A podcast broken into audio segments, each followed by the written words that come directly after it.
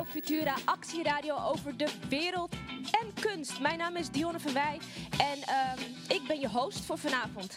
Radio Futura heeft sinds september elke woensdag, donderdag en vrijdag gedraaid, mag ik eigenlijk wel zeggen. En dit doe ik samen met Gian van Grunsven. Die horen we morgen bij de laatste uitzending van Radio Futura ook. Het is de één voor de laatste. En ik vind het een van de meest belangrijke afleveringen van deze reeks. Ik heb achter ze aangezeten, achter deze mensen. Ik heb ze gebeld. Ik heb ze gewhatsappt. Ik heb ze ge-mailed. Ik heb voor ze gesprongen, wel op anderhalf meter afstand. Ik zag ze in theatergangen. Ik zag ze tijdens interviews. Ik zag ze op Instagram. Ik zag ze overal, behalve hier in Frascati 3 in Amsterdam.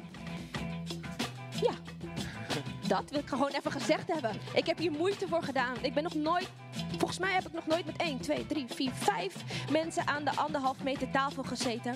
Dus kan je nagaan hoe belangrijk het is. Ik zal ze straks aan je voorstellen. Ik wil even zeggen dat ik, eh, dat ik blij ben eh, met deze bijna eindstreep. Bijna. We gaan nog geen eh, gedag zeggen. Ik wil ook dit moment even nemen. om, eh, want dat gaat morgen natuurlijk niet gebeuren, want morgen ben ik er net iets later bij. Om eh, elke luisteraar, al heb je er één geluisterd, twee, vijf, alle veertig, te bedanken. Want eh, ik bedoel, het is, het is geen radio als niemand luistert, denk ik dan. Toch? Dus ik doe het. Maar de luisteraar doet het ook. En eh, ik wil ook Frascati bedanken. Ik, met name Heske. en Berthe. Eh, dat ga ik morgen nog uitgebreid doen. Maar ik dacht, ik neem nu gewoon even dat moment voordat ik het morgen ga vergeten. In all heat of the moment, maybe I'm emotional. Je weet niet hoe dat gaat, toch? Dat is eigenlijk helemaal niet fijn. En alle technici. Yo, dankjewel. Zonder jullie geen feest. Waar gaan we het vandaag over hebben? Nou, wat mij betreft dus nogmaals een van de meest belangrijke dingen nu in deze tijd. Als we het hebben over wereld en kunst, als we het hebben over Amsterdam en theater, als we het eigenlijk over heel Nederland hebben en theater en cultuurfuncties, dan gaat het bij mij op dit moment heel erg over plaatsmaken. En naast mij zit eigenlijk mijn piloot. Want ik vind dat ik co-piloot ben vandaag. Ehm, en naast mij zit... Tobias Kokkelmans. Hi Tobias. Hallo. Wij hadden het er even snel over. Ik ken jou dus al tien jaar. Ja joh. Ik weet niet of ik jou ken en jij mij ook ken, maar ik weet dat ik jou al tien jaar ken. En eh, ik liep toen stage hier in Frascati bij uh, Katoke Kramer. En toen kwam jij af en toe eigenlijk wat zeggen erover, toch? Over de voorstelling. Je, je was als dramaturg betrokken. Ja. In ieder geval iemand met heel veel kennis. Dacht ik al, ik zat in de zaal dan op de tribune naar ons te kijken. En toen was je een beetje grijs. En toen zag je er super wijs uit. En dan is alles wat er Oh uit zijn mond kwam, was zo heilig.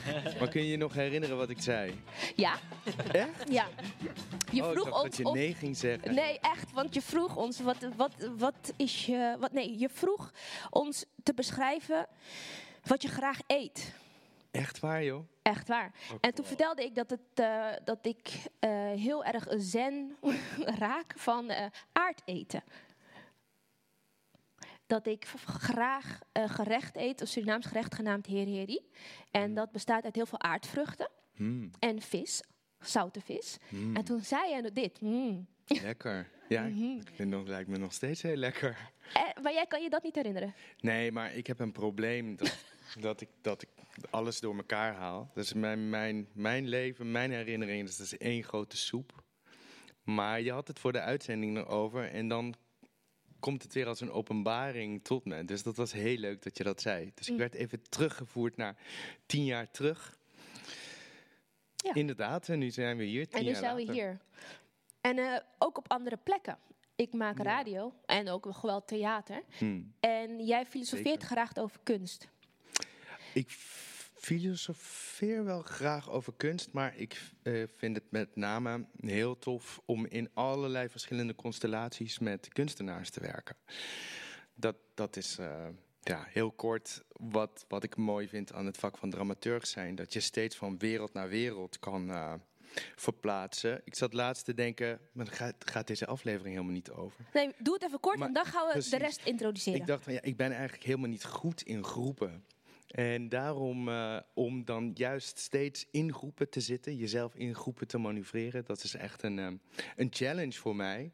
Eh, maar ik hoop dat ik daar een iets beter mens van word. Het is wel Dus handig is- dan deze tijd. Ja, zeker. Dus je komt elkaar toch niet tegen. Nee, nou, inderdaad. Ja. We gaan het even... Therapie ging niet door, ja. We gaan je straks vertellen wie je zojuist hebt gehoord. Maar eh dankjewel voor deze introductie alvast. Ja. Radio Futura, Radio Futura. Vandaag ga ik gewoon lekker veel jingles erin gooien, nu dat het nog kan. Tobias, wie hebben wij aan tafel en waarom? Nou, eh, Dionne, ik wil jou eerst ook eh, echt bedanken voor die bijna 40 afleveringen Radio Futura. Dat Oh, is echt graag gedaan. fantastisch, samen met je hele team. En dank dat we hier mogen zijn. Ik ben ook echt, echt verguld met dit dream team aan poortwachters. Want zo ga ik jullie vandaag eh, noemen. En ik ga ze even één voor één ehm, aan de luisteraars voorstellen. Ik begin hier aan mijn rechterhand. En dat is Alida Dors. Ik, ik ga dit even wat wapenfeiten noemen en dan mag je me daarna nog verbeteren als ik echt iets vergeten ben. Alida Dors, choreografe, sinds eh, april artistiek leider van Theater Rotterdam, richtte daarvoor dansgezelschap Backbone op, richtte daarvoor weer de hip-hop school eh, Solid Ground Movement op, eh, was te zien als danser bij heel veel gezelschappen, waaronder Ish. En studeerde ook nog eens sociologie aan de Universiteit van Amsterdam. Dus misschien hebben we hier ook nog een heel mooi sociologisch perspectief aan tafel. Eh, vat ik het zo goed samen, Alida? Ja, ik vind het een eh, krachtige samenvatting. Oké, dankjewel. dankjewel. Dank- Dankjewel, we komen zo weer bij je terug. Daarnaast hebben wij honored guest Jolanda Spoel. Honored guest omdat ze over exact vijf dagen interim... eh, nee, sorry, interim, gewoon directeur wordt van het Bijlmer Parktheater. Gefeliciteerd Jolanda, echt eh, fantastisch. Woep, woep. Ik denk dat Amsterdam heel blij is met je en dat Rotterdam nu traantjes laat. Want jij verlaat eh, eh, het Maastheater en Dans, dat je mede hebt opgericht, waar je hoofdpodium en programmering was, maar ook maker, talentontwikkelaar. Daarvoor, voor de niet-Rotterdammers onder ons, was eh, Jolanda fundamenteel artistiek leider van Rotterdams Lef, theatergroep Siberia daarna. Eh, hele, hele belangrijke plekken waren dat.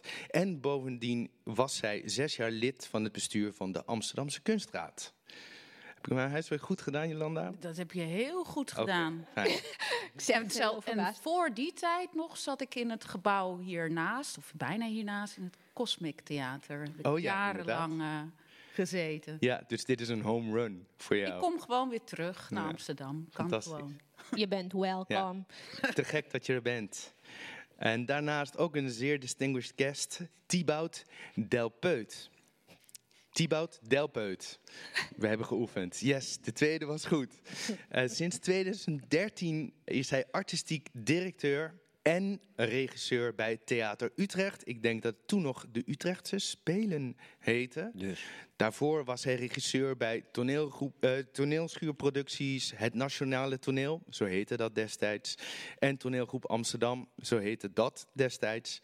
En studeerde naast zijn regieopleiding ook klinische psychologie. Daarvoor. Daarvoor. Niet afgemaakt. Niet afgemaakt, maakt niet uit. We hebben een klinisch psycholoog en een socioloog aan tafel. Dit moet goed komen. Dit wordt spannend. Dankjewel. eh Eindeloos. eh, iets vergeten, Thibaut? Nee. Oké, super dat je er bent. En dan, last but not least, hebben wij Mario van Schaik. Zij is op dit moment interim directeur voor de Academie voor Theater en Dans. Hier eh, aan de Amsterdamse Hogeschool voor de Kunsten. Ook een heel belangrijk perspectief om hierbij te hebben, de opleidingen. Eh, daarvoor was ze interim directeur de Tolhuistuin. Eigenlijk, als je Mario moet eh, introduceren, dan is er een enorme lijst van prachtige taken en functies die ze heeft gehad. Ik wil er nog twee noemen.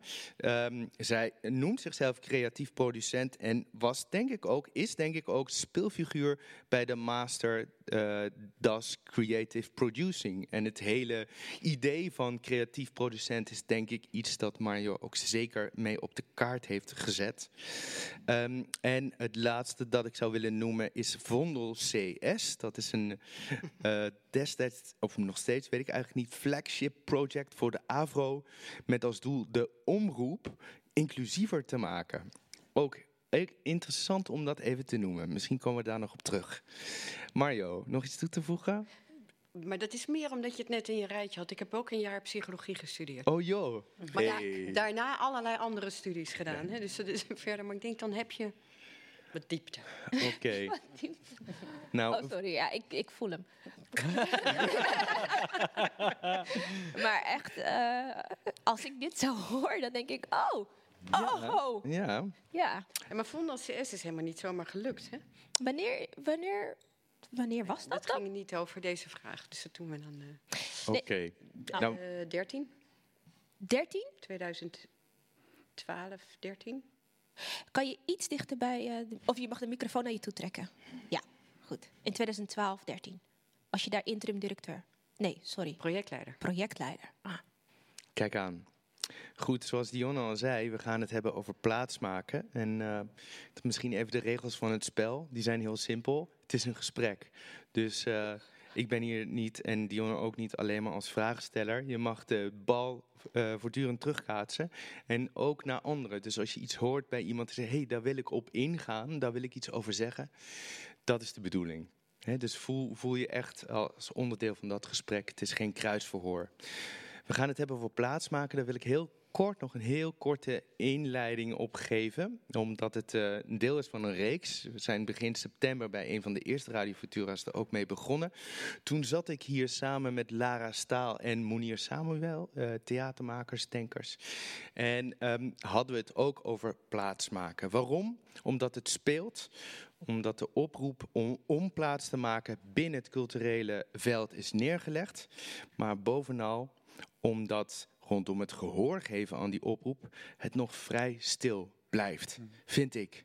Angstvallig stil, misschien wel. Terwijl er redenen te over zijn om hier hardop met elkaar over te praten. Dat moeten we doen. Eh, kijk, er- kijk maar naar machtsmisbruik, systemische uitsluiting op grond van achtergrond, überhaupt schaarste in de culturele sector. Maar ook het besef dat het gros, dat is echt mijn mening, dat het gros van de culturele instituties in Nederland toch vanuit een wit, eurocentrisch, patriarchaal kader opereren. Terwijl we in een pluriform land leven met een veelheid van perspectieven die stuk voor stuk een voedingsbodem vormen voor artistieke uitingen en uitwisselingen. Nou, de wij zien jullie brief, eh, die eh, kennen jullie misschien nog wel, was een directe aanleiding voor deze briefwisseling tussen eh Monier Samuel en Lara Staal. Die was in de Theatermaker gepubliceerd en vervolgens zaten we hier bij Radio Futura onder andere. En ehm, een, een quote uit die brief. eh diversi dus wij zien jullie brief, moet ik erbij zeggen. Daar werd gezegd, diversiteit is meer dan inhuren en aansturen. Het is uit handen durven geven. Het is van je stoel afstappen en toegeven dat je het niet weet. Nou, eh, die kwam binnen.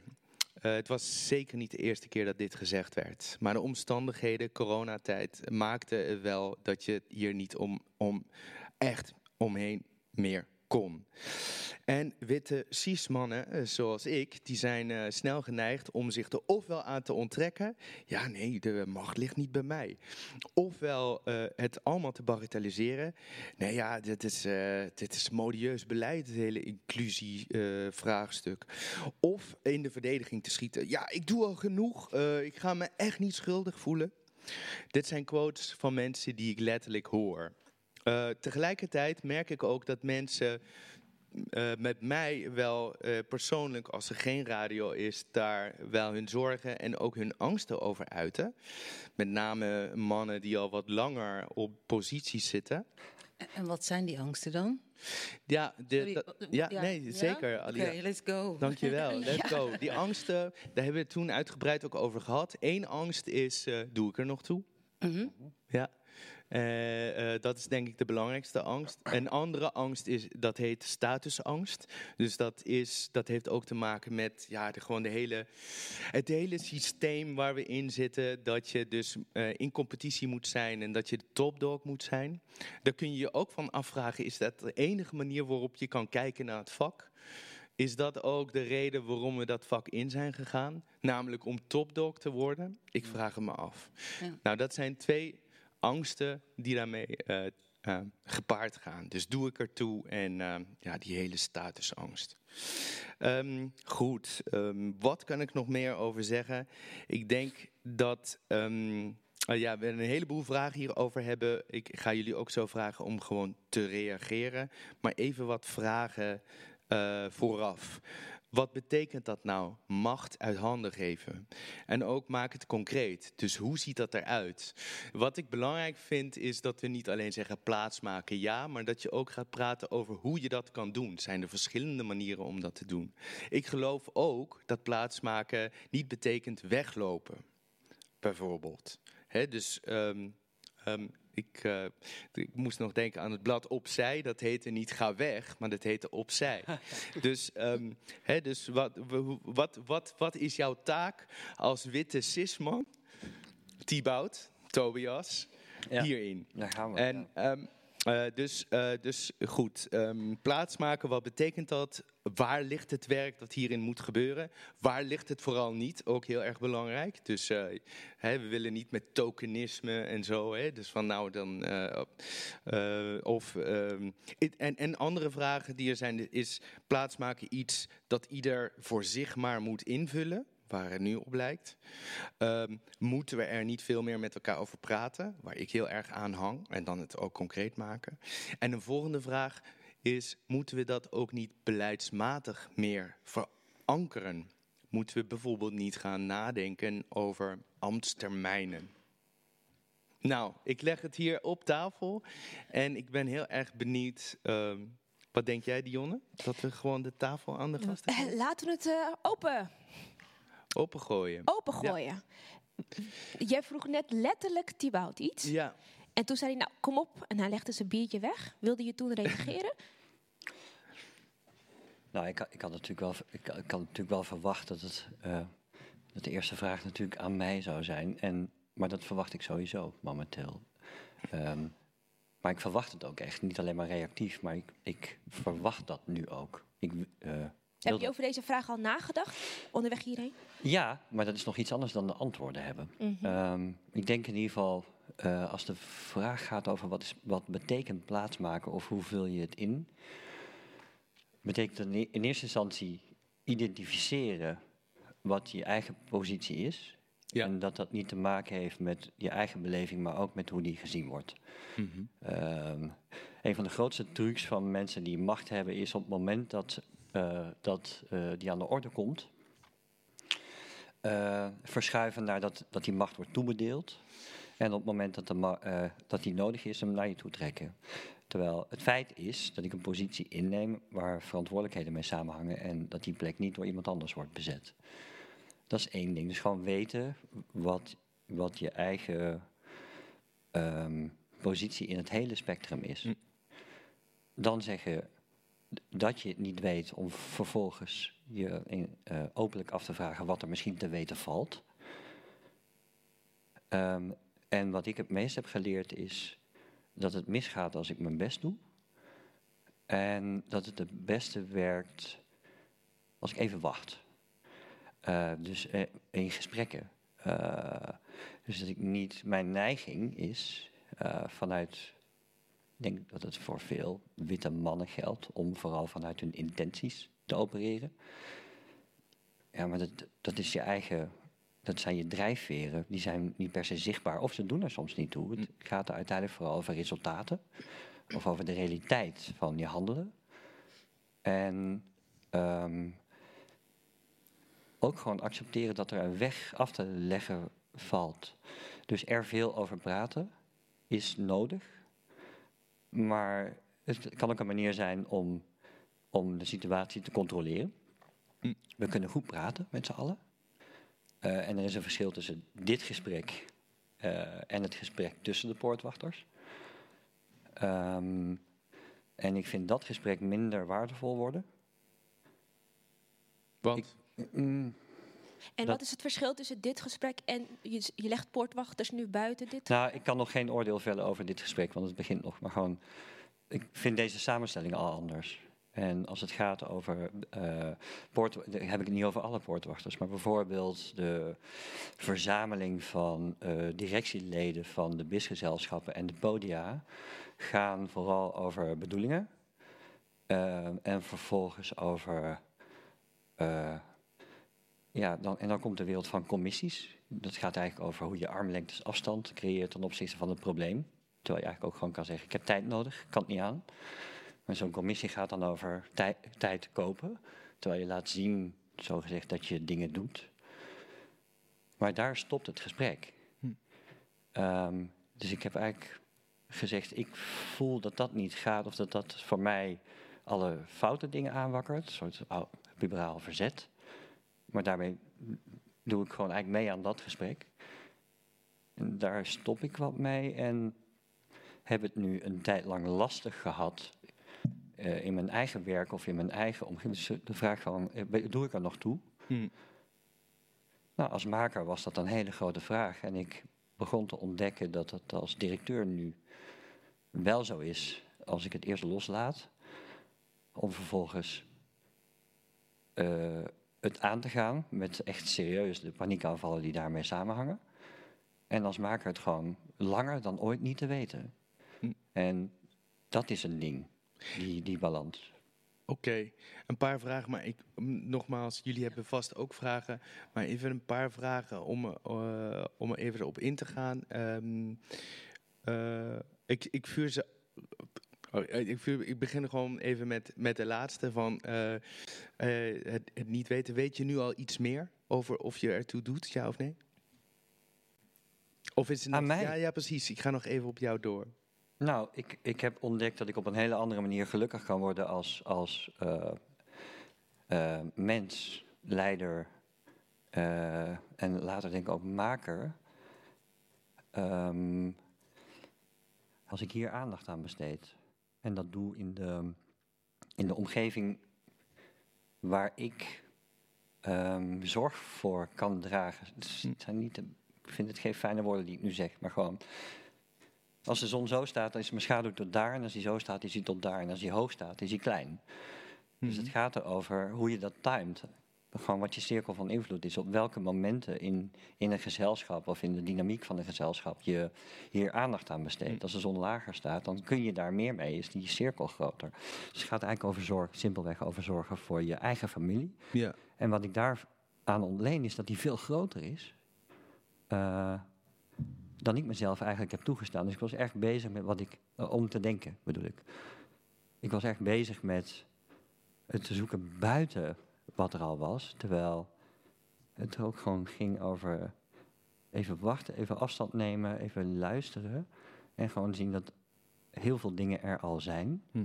Dat heel veel krachten er al zijn. Dat de, de waaier aan mensen die verbonden is met ons gezelschap of met mensen in ons gezelschap heel groot is. En dat als je even je mond houdt, er heel veel ruimte komt voor andere mensen om dat te ventileren of te uiten of daar iets mee te doen.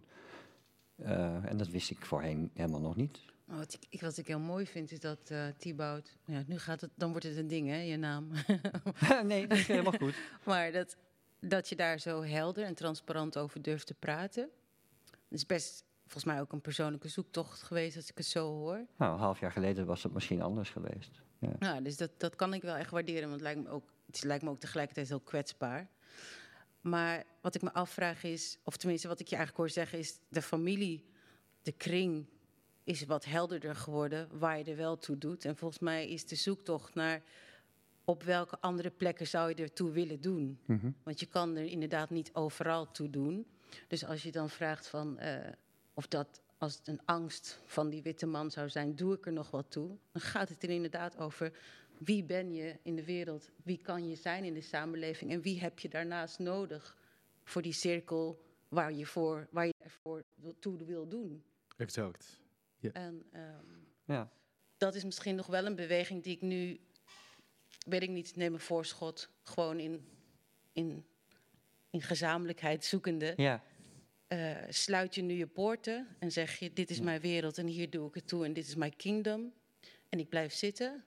Of durf je ook naar een diepere laag te gaan en te zoeken naar wat heeft de wereld nodig en wat doet mijn positie? Wat zou mijn positie daaraan kunnen bijdragen? ja, ja. Daar moet ik even over nadenken. Maar gewoon, en wat bedoel je met de, de diepere lagen? Nou, dat het dus. Kijk, ik kan me voorstellen dat het een reflex is. eh, dat je eh, bij paniek of bij het zoeken naar wie ben ik eerst dit doet. Oh nee, dat was juist de ontspanning waardoor ik dat deed. Oh, ja. Eh, ik snap wel dat je dat denkt trouwens, maar gewoon, de, nee. eh, En dat je dus die diepere laag zou kunnen zijn. Wat is er in de wereld gaande en waar kan ik een steentje aan bijdragen? En dat het weer open mag gaan. En dat er dan een stukje land bij komt Ja. of een stukje wereld bij kan. ja, het punt is dat ik, dat ik daarvoor het heel erg op die manier zocht. Mhm. Dus ik heb een positie, ik ben daarmee vertegenwoordiger van een systeem, of ik het nou wil of niet. Eh, en ik, en ik, eh, ik ben niet blij met hoe dat systeem werkt, dus ik ga daarmee bezig. Maar ik merkte eigenlijk alleen maar dat ik daardoor ondertussen helemaal niet connected was met het gezelschap wat er was en hoe we dat samen doen. Dus het is geen kwestie van of-of voor mij. Ehm, maar het is in eerste instantie wat ik, wat we als gezelschap nodig hadden. En ik misschien als persoon ook nodig had. En ik begin nu te merken dat nu daar meer gezamenlijkheid in is. Door bijvoorbeeld te weten wat bepaalde woorden voor ons betekenen. Wat diversiteit betekent. Of wat grensoverschrijdend betekent. Voor ons. In, in plaats van hoe dat ergens staat. Waar we ons naar moeten gedragen van mensen. Daar komt die paniek van die witte cisman vandaan. Hoe dan? Wat dan? Doe ik het zo goed? Maar dat is niet relevant. Om daarna eigenlijk en door het werk en vervolgens door in welke groepen ik iets zeg, ehm, dat niet alleen persoonlijk te zeggen, omdat ik dat graag zou willen, dat het geen wensdenken is, maar dat, dat ik dat als gezelschap doe. Maar het is en-en. Het is alleen een accentverschuiving nu, denk ik. Is het helder wat ik zeg? Moet ik ook even over nadenken. Ja. Nou, als het gelul is, moet je het ook zeggen. Nee, nee, nee. ook, Ik, ja. ik ben aan het voelen. Ik, ik, Ja. ik ben aan het voelen of, het, of ik nou hoor... I'm closing the gates, omdat dat, dat zorgt dat het bestuurbaarder is. Of dat ik hoor... Want, want eigenlijk is het, is het, als de vraag van buiten afkomt, is het volgens mij niet zo slecht. En ik merk dat je daarvan, Nee. volgens mij hoor ik dat je daarvan in paniek bent. Of heb- bent Nee. geraakt. En Was. dat vind ik een, een spannende dynamiek. Oh, oh, ja. Waar, waar ik het meest over in paniek was, was dat ik en zelf aan het accepteren was dat ik een representant ben van een groep eh, en een systeem. En me niet kon verenigen met de wijze waarop dat systeem hier zelf mee omging. Eh, maar ook nog geen alternatief had voor mezelf. Eh, en de, het is niet zo closing the gates. Het ging meer over waar besteed ik mijn kracht en mijn energie aan. Ja. Ehm, eh, om eerst ook eens even te ontdekken wat ik allemaal nog te leren heb. En dat klinkt heel gemakkelijk, maar ik ervaar het niet dat wat ik te leren heb. Niet alleen ik. Gewoon sowieso luisteren. Moest ik nog leren. En vragen stellen. Het is ook gewoon een rot, rot idee om mij de eerste vraag te stellen. Misschien, misschien komen we er zo nog eh, op terug. En dan zal ik je even ontslaan van het focuspunt te zijn van eh, dit gesprek. Maar dat komt zo wel weer hoor, Thibaut. Ja hoor. Ik ben heel erg benieuwd, want je zei ook van ik heb een weg af te leggen. Dus ik ben benieuwd, waar is dat punt dan waar die weg naartoe gaat? Eh, zie je dat al voor je? Maar denk er maar even over na. Ik wil even naar Jolanda gaan. En dan wil ik het ook weer even concreet maken, plaatsmaken. Wat betekent dat voor jou? En ehm, ja, hoe zou- vind je dat het vo- voldoende gebeurt of niet? Ehm, wat zou er moeten gebeuren? Grote vragen. Heel veel vragen. Heel veel vragen. Ja. ja. Nou, ehm, ja, laat ik eerst even beginnen bij, wat, bij eh, een paar dingen die, die jij ook net eh, zei, eh Thibaut. Ehm, waar ik denk dat het in het verleden heel vaak op misging... en bij een aantal instellingen, instituten eigenlijk nog steeds... is inderdaad dat mensen zich heel persoonlijk aangevallen voelen. Als iemand anders zegt... Goh, mag ik erbij? Het is een beetje het voorbeeld wat jij maakte met opzij. Hè? Ja. Zeg, mag ik erbij, betekent niet meteen, jij moet weg. De, ehm, daar begint het al mee. Maar dat, dat we in dat heel veel. Nou, we hebben het net over witte mannen, maar eh, zo, zo, ik ken ook nog wel een paar witte vrouwen, zullen maar zeggen. Die, die dat meteen op zichzelf betrekken.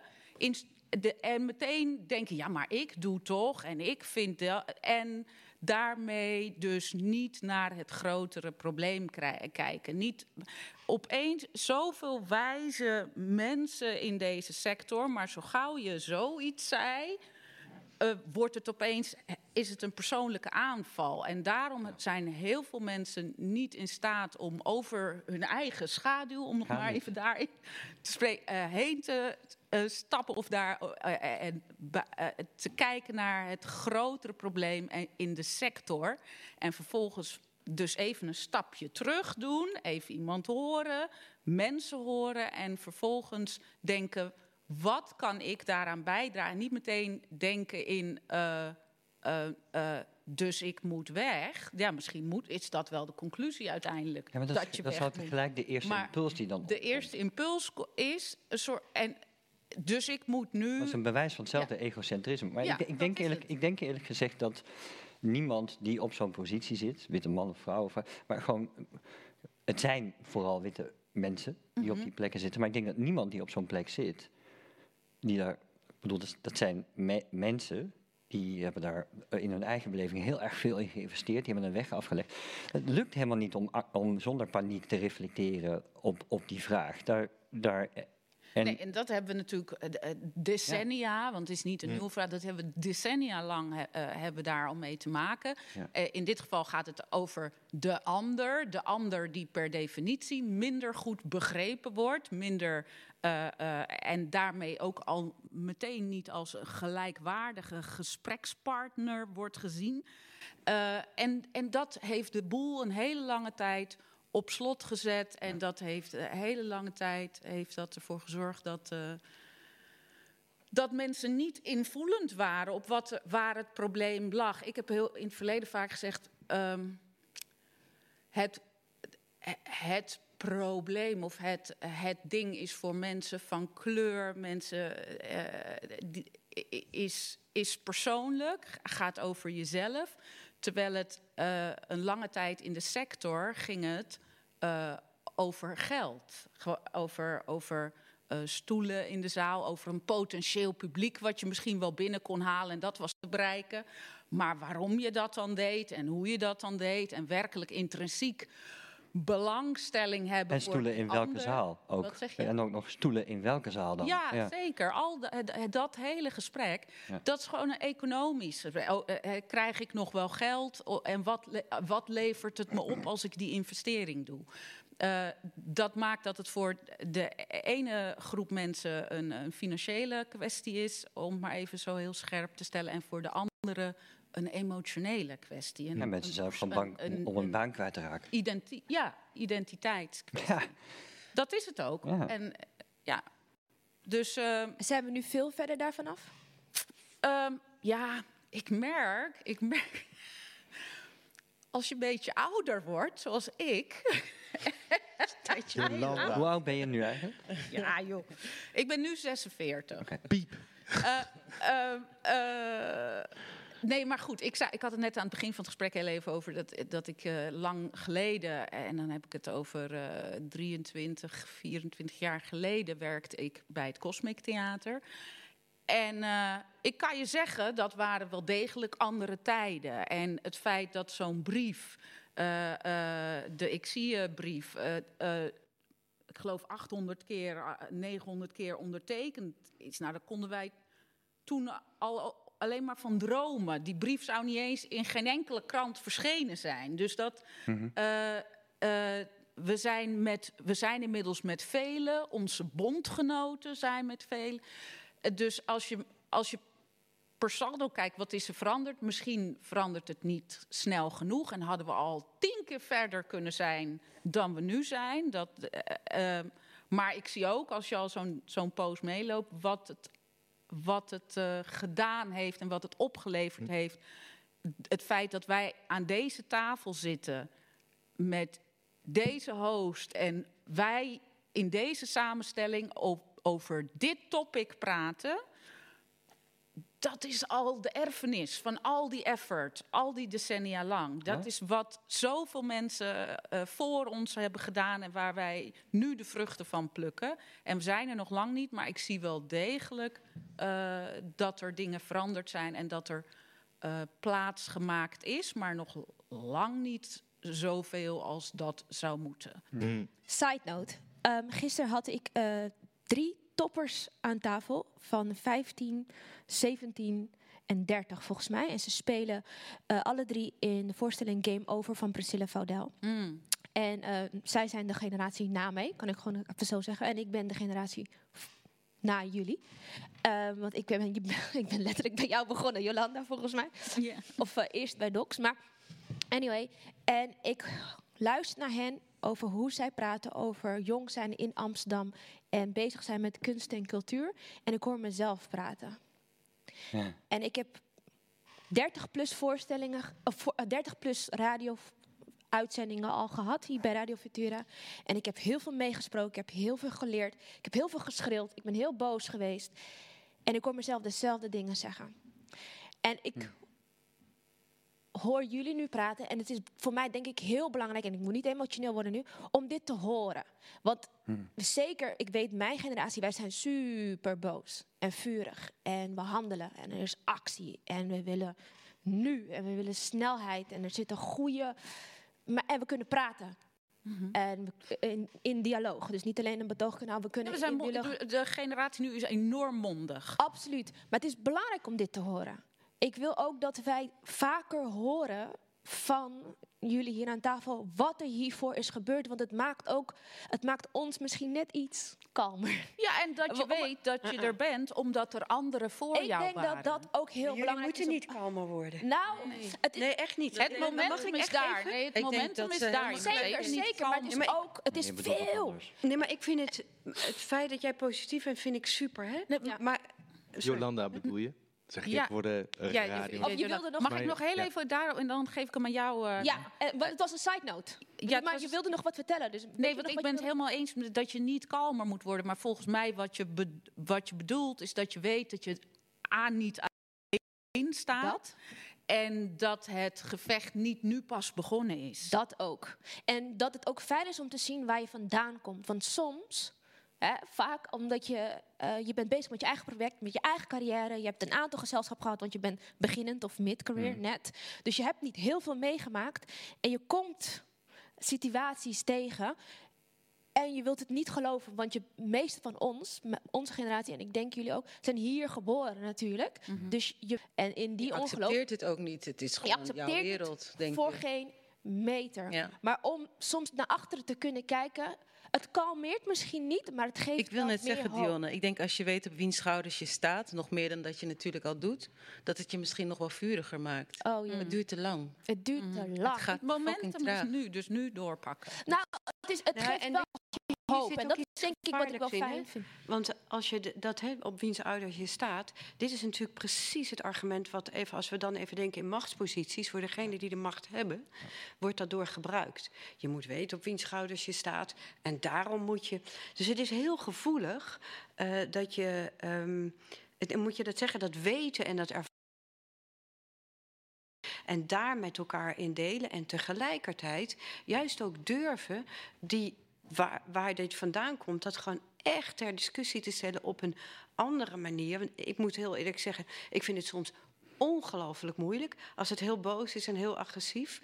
En tegelijkertijd denk ik, ja, maar wees eerlijk, in 2000, ik zie me nog zitten met Ernestine Convalius samen in het platform Allochtone Theateroverleg. Wauw. Ah, Oh my god. je wil echt niet Ja. weten dat er dan 18 jaar later wordt er eenzelfde, en dan wordt er een symposium georganiseerd door het overleg Amsterdamse theater, de directeuren. En ik kwam daarvoor uit het bedrijfsleven. En ik had daar echt, ik heb niet meegemaakt daar wat ik in de theaterwereld wel meemaakte. Dat, daar waren we echt anders aan het werk. Waren we echt heel anders met elkaar aan het kijken en het doen. En hier kwam het echt plat. Bam. En er was dan een Turkse meneer zat aan tafel. Ontwikkelingssamenwerking. En, een, hè, en dan gingen we misschien ander personeel aannemen. Maar Mario, wat bedoel je met dat is een gevaarlijk argument? Je moet weten op wiens schouders je staat. Omdat daarmee ook de macht wordt bevroren. Die wordt eh, gehouden Ja, bij de witte macht. Ja, Nee, wordt ja, maar ik het is, het wordt in de, in de theater of school, het pak ik hem echt even in, in de, in de eh, opleidingen, ik. wordt die veel gebruikt. Als de, en daarom moeten nog steeds de Grieken onderwezen worden. En daarom is het hele kijken naar andere kanon, Ja, naar dat andere is, dat dingen, is als komt niet aan de argument orde. om een establishment te houden. Maar mijn argument aan haar is om haar te laten weten dat ze een history heeft en waar haar roots zijn. En dat naast het tempo te leggen waar we nu mee te maken hebben, dat ze juist geempowered is van vrouw. Ja. Je hoeft niet meer voorzichtig te doen, want we praten al 30 Ja, ja. jaar. Ja, dat Dus snap het ik. praat- Wat je zegt. Het is, het is ook fijn om te weten ehm, hoe die weg eruit heeft gezien. Omdat ergens, dat is ook empowerment. En het maakt je woedend tegelijkertijd. Dus het is dan op een goede manier die, die fire in je houden. En dan kan je ook met example X, Y, Z komen. En dat zijn hele fijne dingen om, om, om, om uit te pakken. Maar ik, het is, ik hoor het misschien te weinig. Of misschien moet ik het vaker opzoeken, want we zijn wel bezig met praten. Hè. Need for Legacy is daar heel strak in. We hebben, Er komt er iemand spreken over hoe het toen was. Maar dat is echt... het, het- het is fijn. En, nee, het is wat je zegt. Ik concludeer, het is fijn en frustrerend Maar tegelijkertijd. ik hoorde ook Maar niet wat, je, wat jij net zei. In de side note hoorde ik ook niet als ehm, eh, eh, ineens van count your blessings. Het was zoveel erger. Ik, ik vind het op een andere manier ook heel prettig. De, boog, de, de, de tijdsboog waar jij over spreekt, daar kan ik niet over spreken. 2013 was op die manier mijn intrede. Dat is een heel, dat is een heel kort boogje. Het waren zeven pittige jaren, maar het is een heel kort boogje. Dus ik heb dit ook nodig. Ik bedoel, ik ben er ook ik zoek het ook, ook nu op. Hè, gewoon waar, hoe, hoe zit het, hoe is het gegaan? Ja. Ik probeer dat te leren. Maar gewoon om het uit jouw ervaring te horen, dat helpt wel. Het helpt. Mm. Weet je, weet je wat voor mij eigenlijk het verschil is ten opzichte van 15, 20 jaar terug? Want je zegt, hè, er is iets veranderd. En hoe dat voor mij is. Het besef dat het goed is om mezelf als wit te zien. eh, dat, dat, dat is een nieuw besef. En dat dat iets. eh, dat dat uiteindelijk. Waar, dus dat is mijn stip aan de horizon. Het is wel degelijk een theaterveld met, met heel veel perspectieven. Dat het belangrijk is om, aan te eh, om na te gaan, eigenlijk wat jij net zei. Wat is jouw perspectief of wat is het kader waarvanuit je denkt? Dat is één. Twee, eh, je realiseren dat, je het, eh, dat er dus een heel veel perspectieven niet in jouw bezit zijn. Ja. En, en, en, en dat je dat ook niet zou moeten nastreven.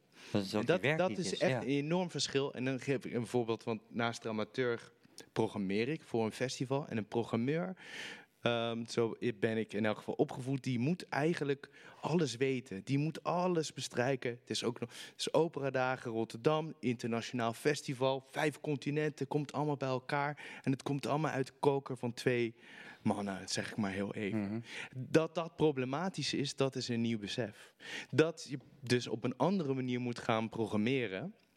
En dat je dus de programmeertafel veel groter moet maken. En dat je dus inderdaad af en toe je mond moet houden. Dat, dat is allemaal een heel nieuw besef. En dat betekent dat er een heel ander soort samenwerkingen. Ja, hoe dat je kan, er ook dus hoe wat kan aan het hebt geluid als je je mond hetzelfde houdt. zijn, Ja. maar dat er nu pas een nieuw besef is? Wel, Het Mm. geluid hetzelfde? nou, ik, ik heb het idee dat wij dus eigenlijk hetzelfde zeggen, maar dan misschien in andere vormen. Maar er is nu pas een nieuw besef. Hoe kan dat? Misschien of- de kracht van de herhaling.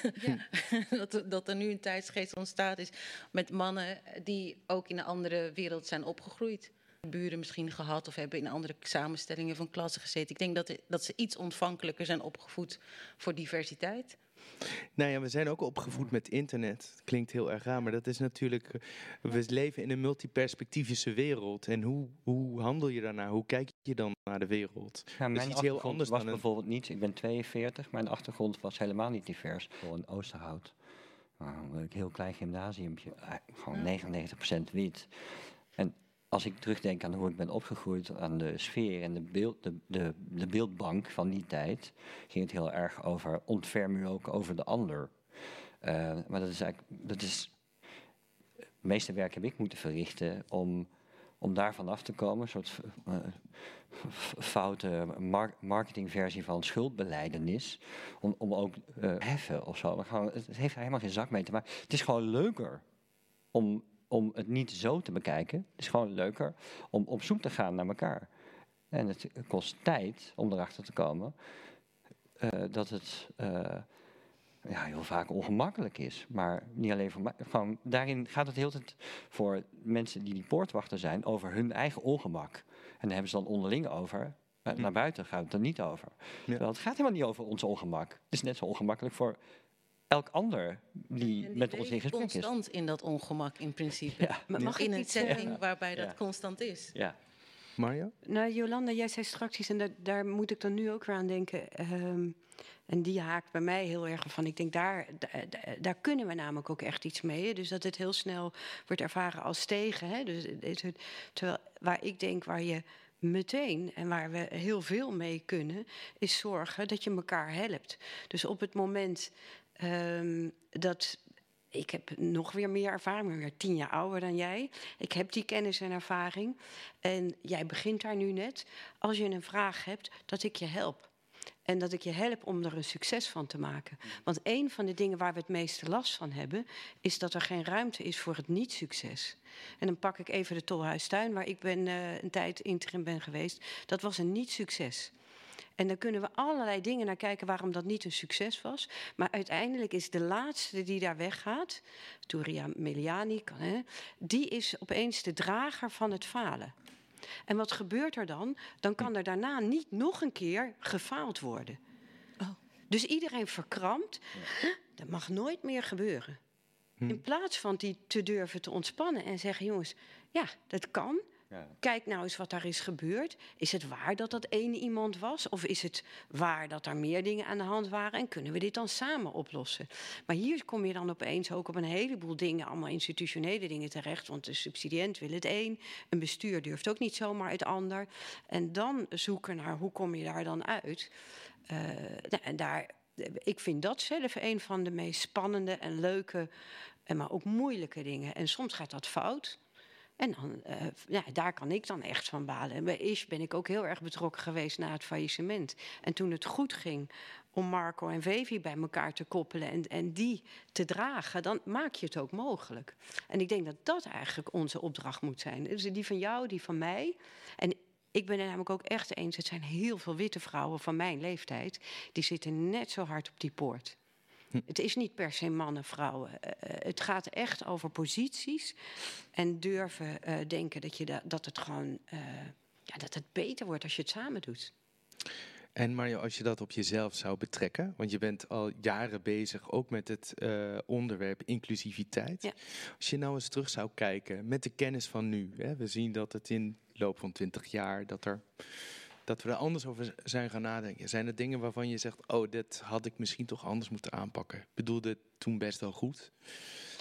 Vanuit een Nou, inclusiegedachte, maar Ik vind dit iedere keer opnieuw. Hè? Dus iedere, ook iedere keer als ik een project bedenk, dan is het ene. Maar ook als ik een eh, opdracht aanvaard, is het anders. Hè? Want een eigen project is wat anders dan een opdracht waar ik een vraag krijg. En eh, bijvoorbeeld nu ook bij, dus, eh, bij de academie.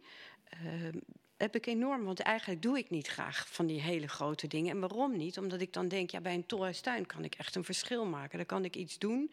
Zij kunnen iemand, om het nou maar even te zeggen, tussen aanhalingstekens van mijn kaliber, over het algemeen niet betalen tegen de tarieven die mensen daarvoor vragen. Ik kan ervoor kiezen om dat op een andere manier te doen. Op een tarief wat wel gewoon hanteerbaar is en wat gewoon klopt. En daar ga ik dan mee aan de slag. Maar op een gegeven moment dacht ik, en dat is een beetje van hoeveel impact kan ik nou maken? En als ik nou op die school een tijdje, kan ik misschien wel meer impact maken.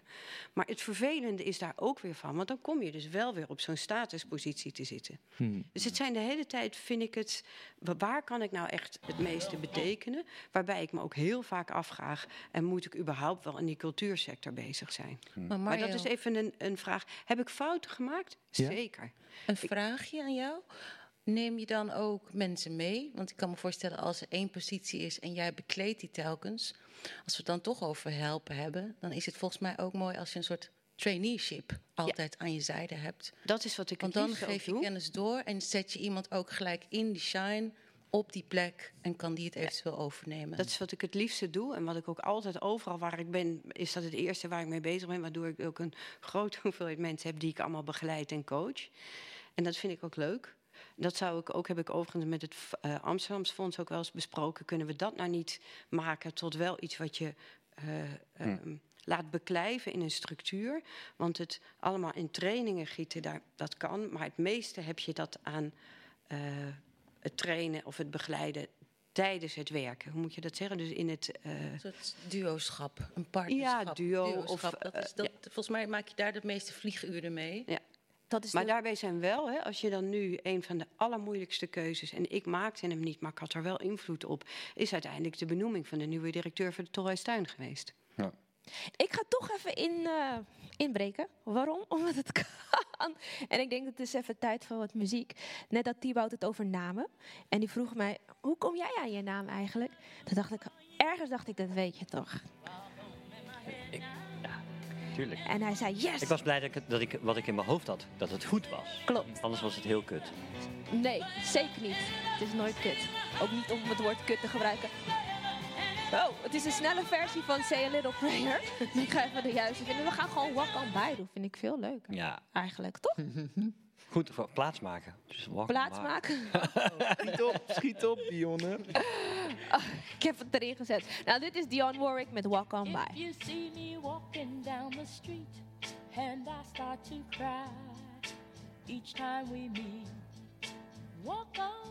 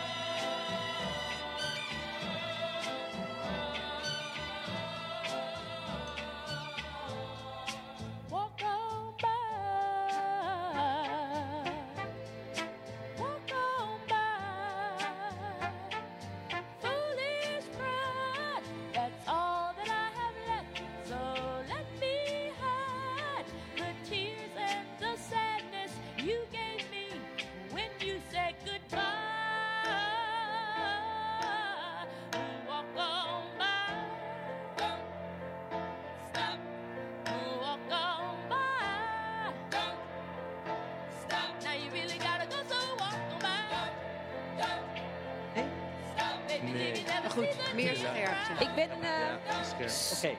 ja. ik ben een onervaren DJ, ook na 40, uh, na 40 uitzendingen. Maar dit was Dion Warwick met Walk On By. En we zijn weer terug in Frascati 3. Radio Futura, Radio Futura. Gisteren vond iemand al dat mijn jingles wat oudbollig waren. Ik vind het juist. Ik, ik, ik hou ervan. Ja, Leon Bril, shout-out.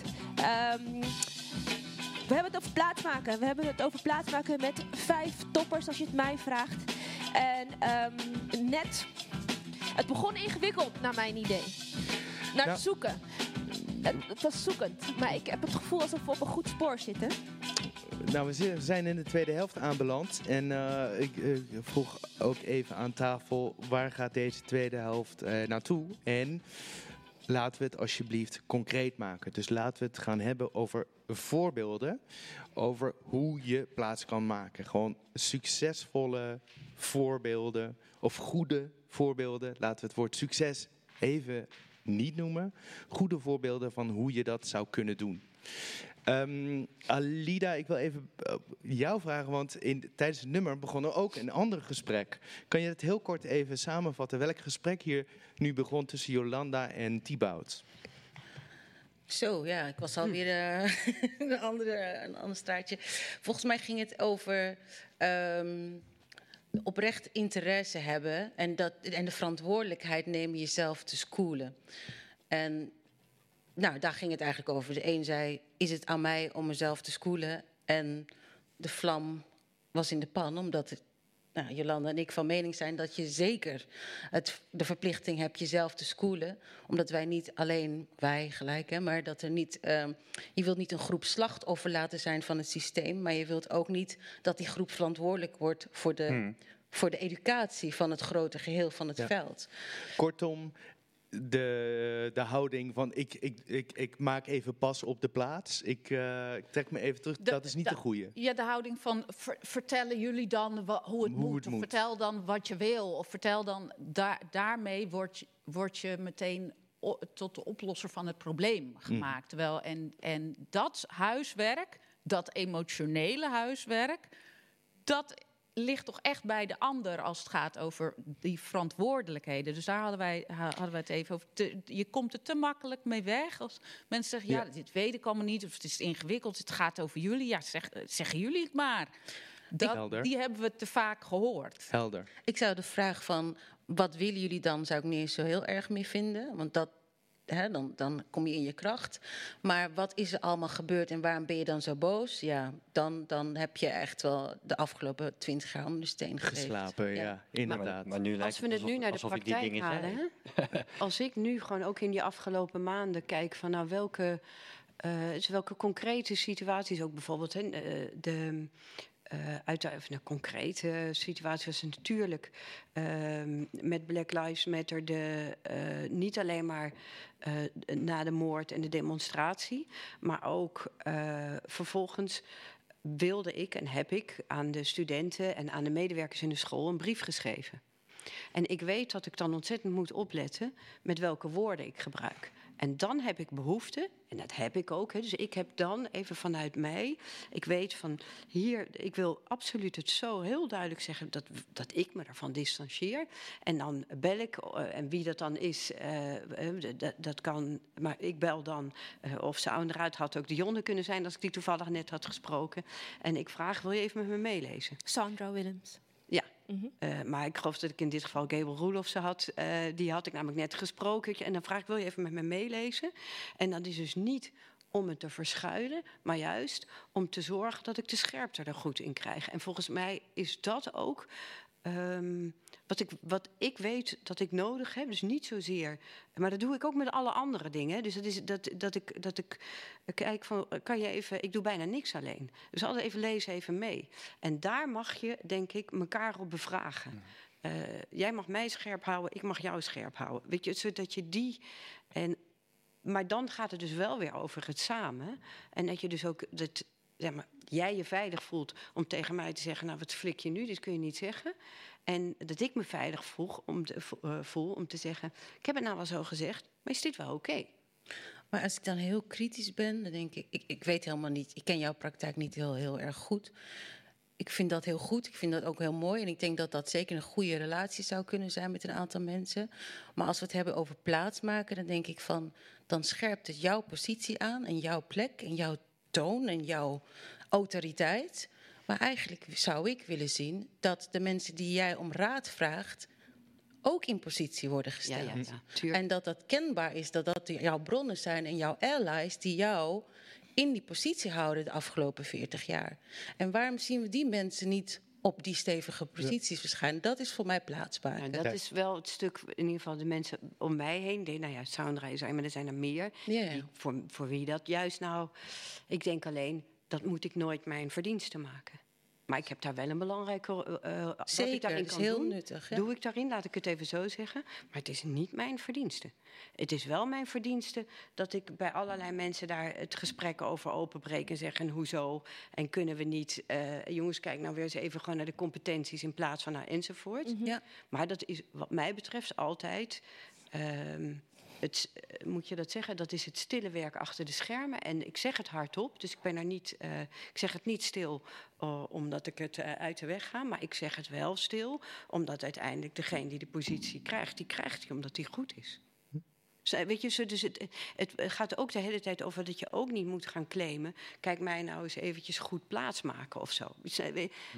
Dat is namelijk niet dat je moet dat gewoon doen. Oké, maar hoe? Misschien even, mag ik een voorbeeld geven, Dionne? Van Ja, ja. Wat, ik, wat ik nou echt een concreet voorbeeld vind van goed plaatsmaken. En dan ben ik heel erg benieuwd wat jullie daarvan vinden. Dat noem, hem- noem ik maar even democratisering van het leiderschap. Dus wat ik bijvoorbeeld heel tof vind, is als er één vacature komt, dat een groep mensen zegt, wij gaan dat met z'n drieën doen. Eh, of met z'n tweeën, of met z'n vieren. En eh, Je vanuit het... je die ene functie met z'n drieën doen? Ja, en dat zie je bijvoorbeeld Kunstenfestival des Arts. Eh, zie je dat eh, heel erg goed in, in Brussel. Eh, t- gisteren was toneelgroep Maastricht, kondigde toneelgroep eh, Maastricht aan dat Juman Fatal toetreedt tot eh, het artistieke team. Daar ben ik heel erg benieuwd naar hoe eh, die verhouding precies is. Is het nog steeds Serve Hermans en Michel Sluismans als artistiek leiders en Juman die daar, ik zeg het maar even onderbiedig, als token bij komt? bühne? Ja. voor de bühne of voor de gelijkwaardigheid. Dus ik vind ook, maar ik vind de bewe ik vind de gedachte goed en ook boeiend eigenlijk. Zouden ook met hen hierover moeten praten. eh, wat hun beweegredenen zijn, hoe ze dat zien. Ik denk dat er naast die democratisering van het leiderschap ook een transparantie moet zijn over de gelijkwaardigheid ervan. Dus niet alleen voor de bühne, we doen het met z'n drieën en achter de schermen. Maar eh, de ene verdient meer dan de ander en heeft er meer te zeggen. Dus ik vind die, dat vind ik heel erg boeiend. En ik vind het ook inspirerend. Want mijn voorland, dat zijn allemaal mensen die zeg maar heel erg top-down directeur van iets zijn. En er is iets dat heel on- inspirerend aan is. De vraag is of ik dat ook zou moeten. Ik voel me daar bijna toe gedwongen om dat ook te moeten willen. Maar dat kan dus bijvoorbeeld anders. Eh, en dat komt voort uit het besef, en dat is het huiswerk dat ik aan het doen ben nu. Het komt voort uit het besef dat ik niet al die in perspectieven in mij kan koesteren en ook niet moet willen koesteren. En bovendien dat theater maken, podiumkunst maken, dat is een collectieve eh, eh, arbeid. Het gaat toch echt om leren van elkaar, van andere zienswijzen. En waarom kan dat ook niet op leiderschapsposities? Waarom moet het daar dan ineens heel erg hiërarchisch top-down met, met één figuur? Dus dat is één eh, voorbeeld. Ik, ben benieuwd hoe jullie daar... eh, Kan ik daar wat over Ja, zeggen? Want zeker. ik weet niet of ik het goed heb gehoord hoor. Ik snap heel erg het idee van hè, samen op een plek of ergens een soort gelijkwaardigheid creëren, zodat we meerdere perspectieven Ja. hebben om een organisatie te kunnen leiden. Ehm, ja, en zeg ik even, dat ik het ook fijn vind dat we gewoon een directeur van Theater Rotterdam hebben met een nieuwe visie vanuit een andere wereld, andere wereld tussen bunny ears en eh, een frisse wereld, een wereld die ik ken. Dus voor mij is het helemaal niet vreemd. En eh, ook de manier waarop ze opereert en de methodes die ze gebruikt, het zij vanuit de hip-hop scene. Of whatever, dat, dat neem ik nu aan. Ik kijk nu even naar, eh, voor de luisteraars, ik kijk nu naar Alida Dors. Omdat ik ergens ook voel dat er een, eh, want die, Mario zei zojuist zo van, hè, ik zet iemand op de plek die er ook goed, die goed genoeg is. Toen dacht ik ook, Niet goed genoeg, heel goed is. die heel goed is, sorry, correctie, die heel goed is. En dan dacht ik ook meteen, ja, hmm, dat is ook zo'n kwaliteitsmeter waar we nog naar kunnen kijken. Omdat ik ergens het idee heb dat alles wat niet wit is, dat daar net anders Daar zit echt een ding. daar zit, die wordt net anders beoordeeld. Omdat je dan eerder kijkt naar huidskleur, achtergrond, eh eh, thuissituatie, eh, whatever, whatever. Dan Ja, het naar gaat ook de... over stijl en smaak. Ja, Dan het, naar- het kapitaal precies, wordt naar- niet op waarde geschat. Ja, Dat Ja, is- maar simpelweg omdat het referentiekader van de beoordelaar, Precies. dat is aan het veranderen. niet snel genoeg, is aan het veranderen. Maar in principe het referentiekader van de beoordelaar wijkt af Ja. van de weg, de generatie, de, de, de, de, het cultu- culturele referentiekader Ja. van degene die beoordeeld wordt. Ja. Ik bedoel, en, en dat geldt andersom ook. Ik zeg het zelden, niemand weet het, maar ik heb jarenlang gedj'd. Ik, ben- ik heb heel erg in de hip-hop cultuur gezeten. En ik zeg het niet omdat het lelijk of leeg klinkt. Maar ik weet wel, ik vind nu terug wat ik daar belangrijk vond. En wat was dat? Eigenlijk de basiswaarde each one teach one. En dat is hetgene waar ik Precies. in En each one teach one is nou net zoiets als wat jij voorstelt. Je noemt de democratisering. Ja. Maar dat is eigenlijk het crew-principe waarbij je eh, in een team functioneert, meer stemmigheid genereert. Dat er een regie, een organische regie is eigenlijk binnen een groep waarbij je elkaar op waarde schat. Degene stapt naar voren omdat dit mijn kennis en kunde is. Dan stapt die ander naar voren wanneer dat nodig is. En zo voed je elkaar en breng je elkaar tot hogere hoogte. Er zijn, is verschil in generatie, in culturele achtergrond, in discipline. eh, en in, in, in functie ook binnen de, binnen de groep. Dus ik geloof heel erg in ehm, met een team, meer, of in ieder geval meer stemmigheid creëren rondom leiders. Ik weet niet of dat voor één functie moet zijn, maar rondom leiders als de manier om kennis en kunde te genereren en de organisatie of het veld te verrijken. Ik neem aan dat je dit nu bij Theater Rotterdam Sowieso. eh, probeert te doen. Ja, is niet je- makkelijk, maar ja. ja, ja. eh, niet makkelijk, daar ben ik wel benieuwd naar. Want wat voor erfenissen kwam je daar tegen en waar moet je het hardst duwen om die cultuurverandering teweeg te brengen? Nou, ik herken heel erg, en misschien niet speciaal, specifiek bij Theater Rotterdam, maar dat er gedacht wordt dat, eh, dat leiding geven betekent dat je alles moet weten. Dat jij de enige bent in huis die de, de kennis in pacht heeft en iedereen moet daar achteraan.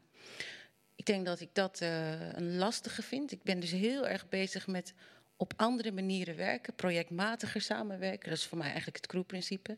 Maar dat noemen we dan even voor het gemak zo. Ehm, ik merk Dat snap ik nog niet helemaal. Projectmatiger werken. Wat? Projectmatige werken heeft een referentie, wat mij betreft, naar het crew-principe. Mhm. En het crew-principe is dat we zeggen: wij zijn met elkaar de crew en wij gaan die klus met elkaar fixen. En dat is te vergelijken binnen organisatiestructuren eh, met projectmatig werken. Mm. We zijn bij elkaar en zo in deze dynamiek gaan wij een klus fixen. En dus niet vanuit je afdeling en dat dan maar bij elkaar puzzelen, maar gewoon zeggen. eh, eh, eh, Jij komt Welke van de marketing, Ja, Mario komt van cultuur, de ander komt van educatie. En zo gaan we dit met elkaar En op oplossen. kwaliteit, mensen hebben hun taak en niet op functie. Precies, maar dan wel verplicht met elkaar. Want Ja. wat een reflex zou kunnen zijn, en binnen grote organisaties, en wat ik ook een beetje getroffen heb bij Theater Rotterdam, in alle eerlijkheid, is dat afdelingen niet vanuit zichzelf met elkaar goede lijnen, verbindingen hebben lopen. Dat is En dat vertraagt. aan het wachten zijn op wat er van boven komt. Ja. Ja, en ook al komt die van boven, dat, ze, dat er niet een natuurlijke beweging is om te vragen aan educatie. Hoe zou jij dit oppakken? Of wat kan jij inbrengen? Welke lijntjes heb jij met de stad nodig? Ja, precies. En hoe zou jij het ideale leiderschap dan omschrijven? Ik ben dat aan het uitzoeken, maar ik begin nu ergens met de kennis in, die ik heb opgedaan in, in de periferie. En dat is toch wel de dialoog blijven voeren. Eh, de meerstemmigheid regisseren. Dus ontmoetingen bij elkaar blijven regisseren. Ehm, en dan ja, toch taskforce maken, projectteams maken om die stad in te gaan. Weer terug te komen. Hoe zorg je ervoor dat die informatie die opgedaan wordt... niet in een cocon blijft zitten, maar juist doorcijpelt naar de verschillende afdelingen in de organisatie. Zodat het een gezamenlijke gedragen kennis wordt. Ja, dat, dat is hoe ik het nu ga proberen. En, Vraag eh, me over twee jaar weer hoe, hoe ik Ja. Hoe het is gegaan. hoe het met je crew is. Ja, Hoe het ja. mijn nieuwe crew is. gegaan. Neem jij eh, trainees mee? Sorry? Neem jij trainees mee? Of deed je trainees aan? Heb je Ja. stagiaires naast je? Ehm, ik heb, nou dat is ook zoiets. Ik heb nu nog meer ingezet om TR een leeromgeving te laten zijn op alle lagen van de organisatie. Ook op jouw laag?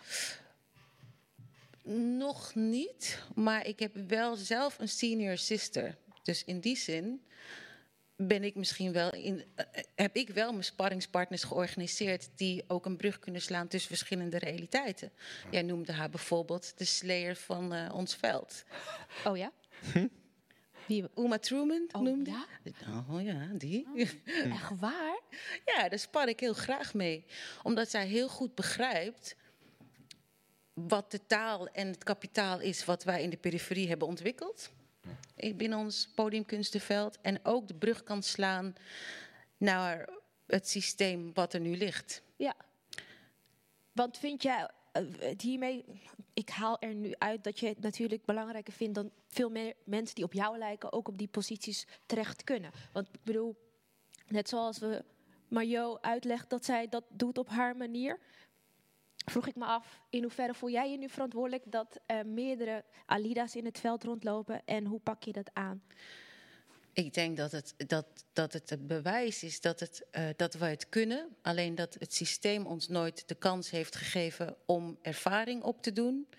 eh, wat meetbaar is. Dus dan gaan we het hebben over heb je genoeg ervaring. En dan gaan we het hebben over heb je de kwaliteiten. En volgens mij ben ik daar trots op dat zowel TR als ik dat gedurfd hebben. En te zeggen van we gaan die kapitalen naast elkaar neerleggen. Ehm, ik denk dat dat de toekomst is. Als we zeggen dat er op academisch gezocht wordt naar kruisbestuivingen van stijlen al. Eh, en dat de community waar ik uit voortkom als waardig wordt gezien en ook als noodzakelijk voor de vernieuwing van de stijlen van performing arts. Dan is het, kan ik je zeggen dat ik zie dat ons kapitaal, wij kunnen dit. Ja. Het is de plek krijgen. We can, we, we can handle this. Het is natuurlijk leren op bepaalde momenten van... oh, wow, wow, wow, dit is een mammoet. Oké, wacht even. Dan moet ik even anders gaan zitten. Ik doe even mijn... Weet je dat? Ja, het Maar we got by this. doing voel ik ook eh, heel erg. Wat ook wel van de hip-hop. eh, Ja. Ja. ehm, maar het is ook. Het klinkt echt heel stom. Inderdaad, die kans krijgen. Hè? Dat is waar we, waarom we nu hier zitten. Hè, wie, wie reikt jou die kans? En, En als we ons systeem willen veranderen om af te maken... Op, het Ja, antwoord op jouw vraag zo. is, zegt, is het noodzakelijk dat er meer van onze types op die plekken komen? Ja.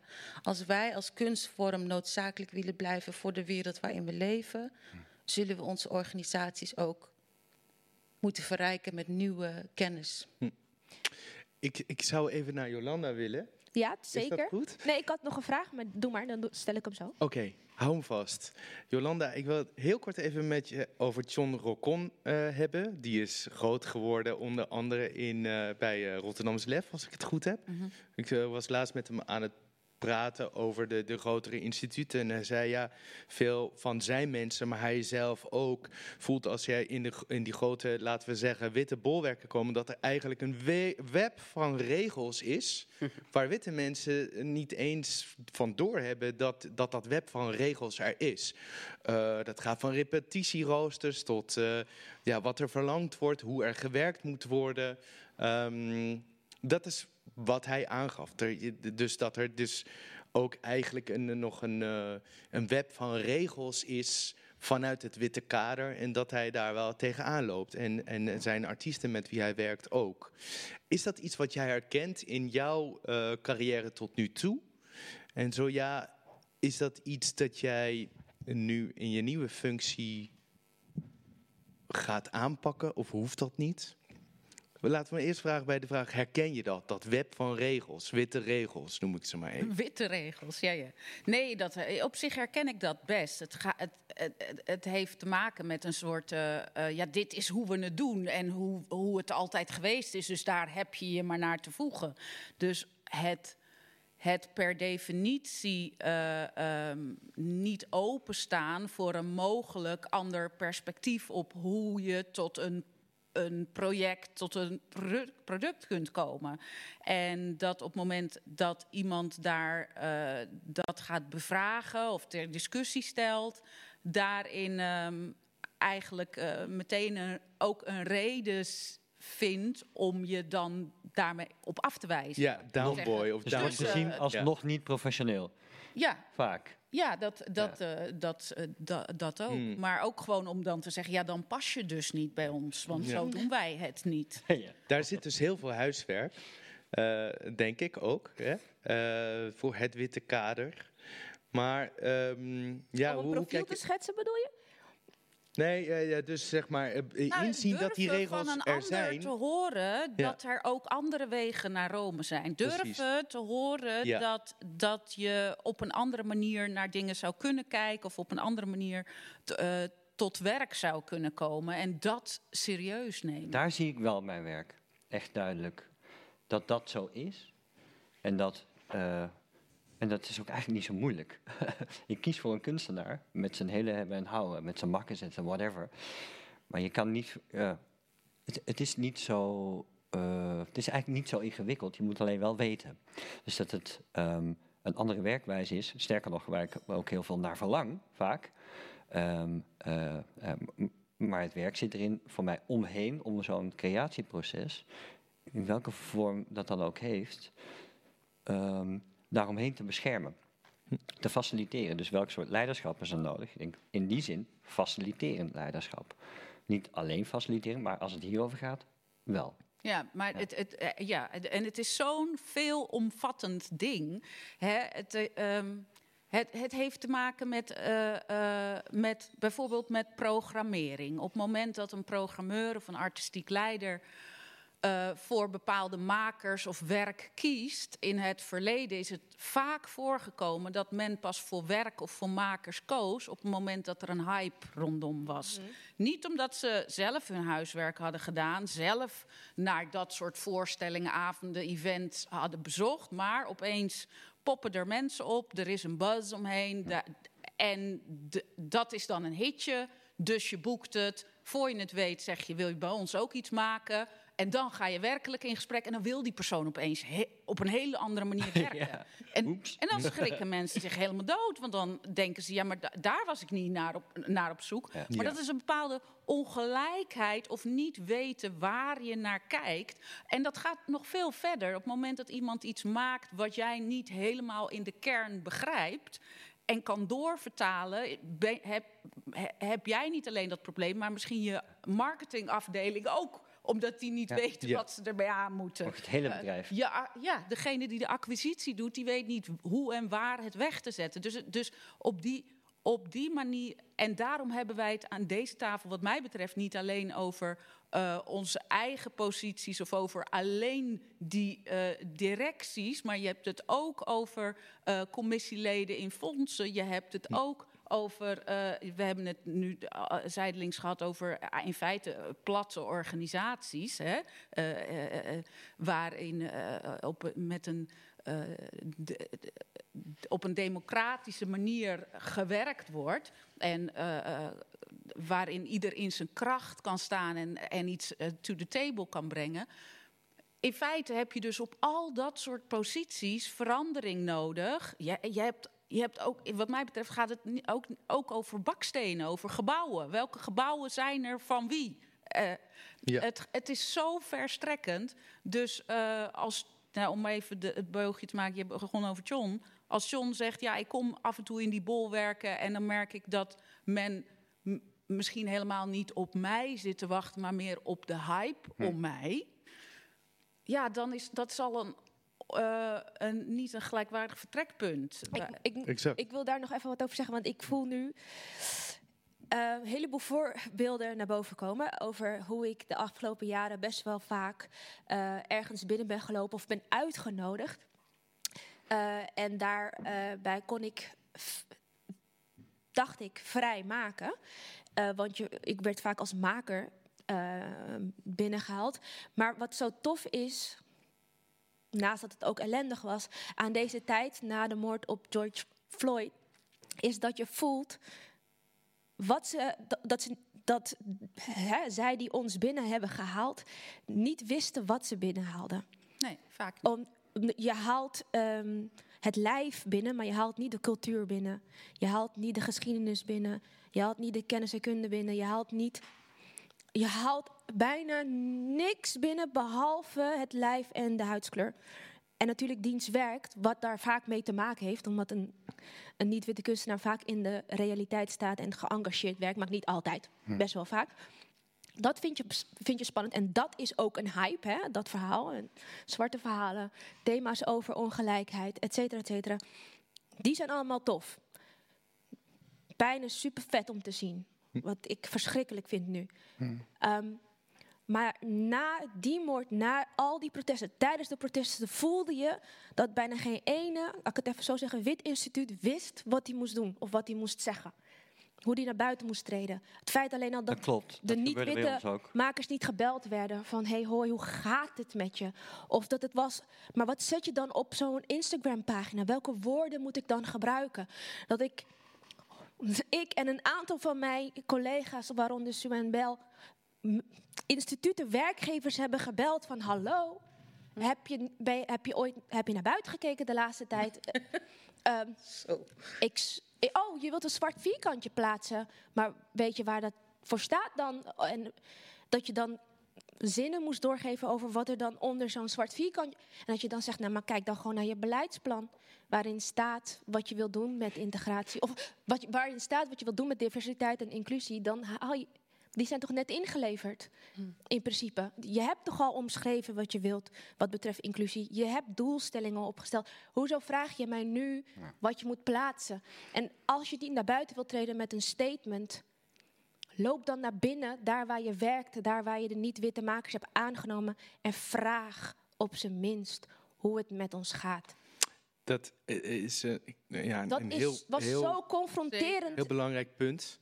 En, en, en ook, eh, ik vind het en echt hetzelfde als wat eh, Jolanda zegt. Eh, ik denk als we het hebben over concrete vormen van plaatsmaken en de breedte ervan, hè, dus voorbij de poppetjes op de, eh, de, de, de poortwachters, dat is ook belangrijk. Maar dat, Die dat, poortwachters kunnen het nooit alleen. Nee, die kunnen het nooit alleen. Maar het gaat dus ook over ehm, de hoogmoed om te denken dat het systeem zoals het is, jouw systeem, dat dat voor iedereen past.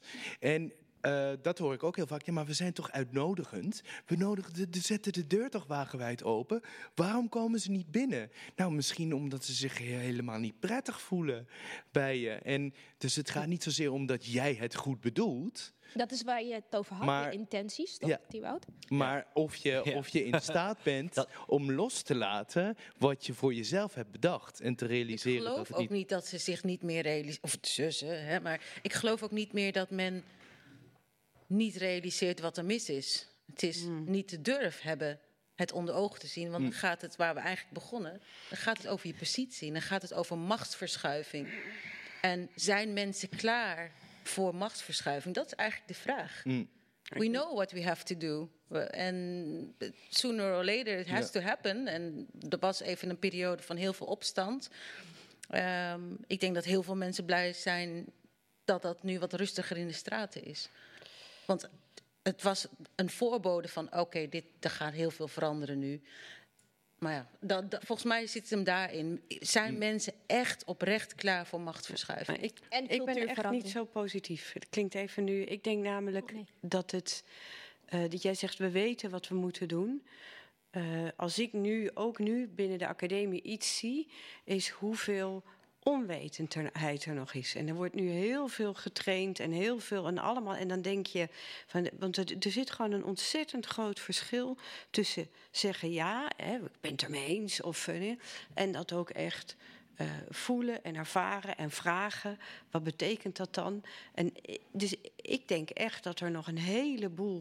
ehm, moet er moeten een heleboel gesprekken moeten gebeuren. die de hele tijd weer opnieuw. überhaupt al laten zien. dit is wat ik zie en dit is wat jij ziet. En dat dat een verschil is. En dat dan pas. Hè, dus want die actiebereidheid. die is er op een bepaalde manier, vind ik dan wel heel grappig. Die is er eigenlijk wel. We willen allemaal wel wat doen. Maar het zien waar dat eigenlijk echt over gaat. Daar, eh, tenminste, dat is in mijn eh, ervaring. is daar echt nog een mega slag te maken. Ja, en in podiumkunsten breed, hè, Hm. laten we ook eh, eerlijk wezen, niet in alle sectoren binnen de podiumkunsten speelt het even, evenveel. En wordt het, wordt het gesprek op deze manier gevoerd.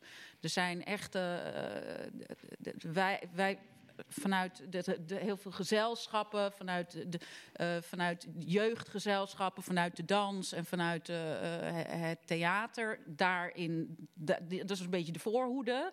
En daar, maar als je bijvoorbeeld kijkt in de klassieke muziek, nou, echt niet hoor. En, en in het ballet ook nog veel te weinig.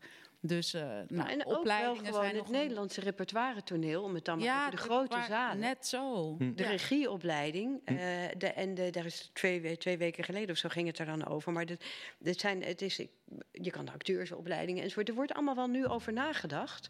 En er, worden wel, er zitten wel allemaal eh, openingen in en er wordt dus anders over gesproken. En die studenten hebben nu wel ruimte om, maar hebben ruimte om al deze onderwerpen ter discussie te stellen. Maar het is nog heel pril. Het is nog echt niet Ja. ter Ja, maar daar discussie zit te stellen. ben hè. blij dat schooling van, van, daar zit de, school, de schooling die je moet doen. Ja. zit hem in het feit dat, dat er, als er wordt nagedacht over een, een, een niet- niet-witte podiumkunstencultuur, dan, valt eigenlijk, dan, dan is het alsof kanon wegvalt. Maar dat heeft gewoon te maken, dat is helemaal niet waar. Het heeft gewoon te maken met het feit dat er geen enkel benul is van het feit dat er een heel, hele andere kanon is. Het lijkt dan alsof alles nieuw werk moet zijn, maar er is gewoon een kanon. Ik, ik, vind, ik, vind dat, ik vind dat verrassend. Ik vind dat heel. Ik ben daar. Ja, ik weet niet of ik dat. Ik, ja, ik vind dat moeilijk om te geloven, echt. Dat, dat men zo lang zo vast heeft gezeten in zijn eigen bubbel. Ja. En het feit dat we al zo lang praten over het bestaan van een andere werkelijkheid. Dus dat, volgens mij weten we dat. Maar is het inderdaad misschien het hoe dat we dat nog niet weten? En volgens mij de interesse om uit te zoeken hoe dat te doen, heeft te maken met we weten op het moment dat we deze bubbel door gaan prikken, dat betekent dat mijn positie niet meer veilig is. En dat heeft de hoe-vraag vertraagd. Ja. Volgens mij weten we precies wat we moeten doen, of dat we het moeten doen.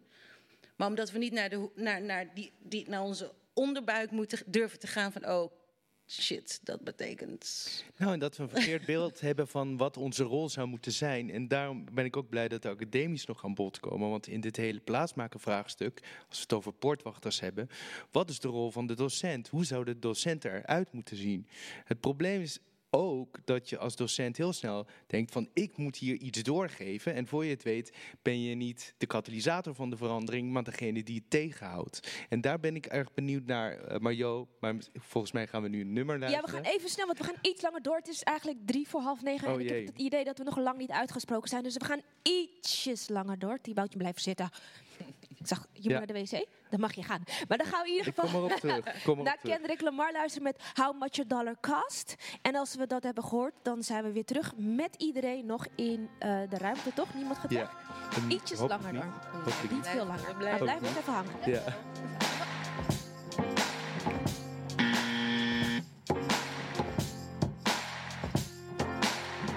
How much dollar really costs?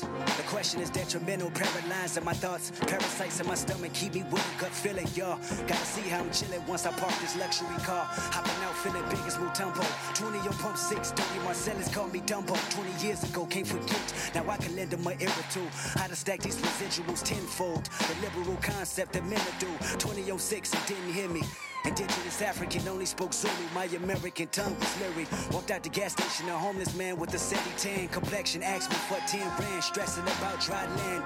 Deep water, powder blue skies that crack open. A piece of crack that he wanted. I knew he was smoking, he begged and pleaded. Asked me to feed him twice, I didn't believe it. Told him beat it. Contributed money just for his pipe, I couldn't see it. He said, My son, temptation is one thing that I've defeated. Listen to me, I want a single bill from you. Nothing less, nothing more. I told him I didn't have it, then closed my door. Tell me how much a dollar cost.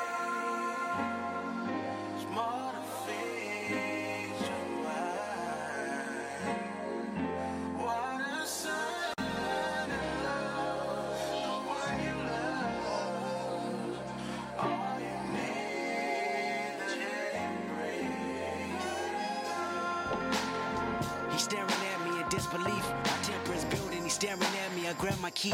Staring at me, I started the car, then I tried to leave. But something told me to keep it in park until I could see the reason why he was mad at a stranger. Like I was supposed to save him, like I'm the reason he homeless and asking me for a favor. He's staring at me, his eyes follow me with no laser. He's staring at me, I noticed that his stare is contagious. Cause now I'm staring back at him, feeling some type of disrespect. If I could throw a bat at him, it'll be aiming at his neck. I never understood someone begging for goods, asking for handouts, taking it if they could. And this particular person just had it down back, staring at me for the longest until he finally asked, Have you ever opened up Exodus 14? A humble man is all that we ever need. Tell me how much a dollar cost.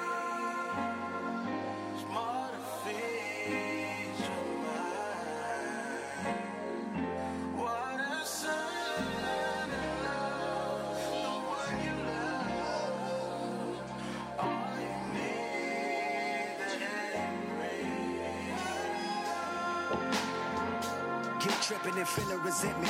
I never met a transient that demanded attention. They got me frustrated, indecisive, and power tripping. Sour emotions got me looking at the universe different. I should distance myself. I should keep it relentless.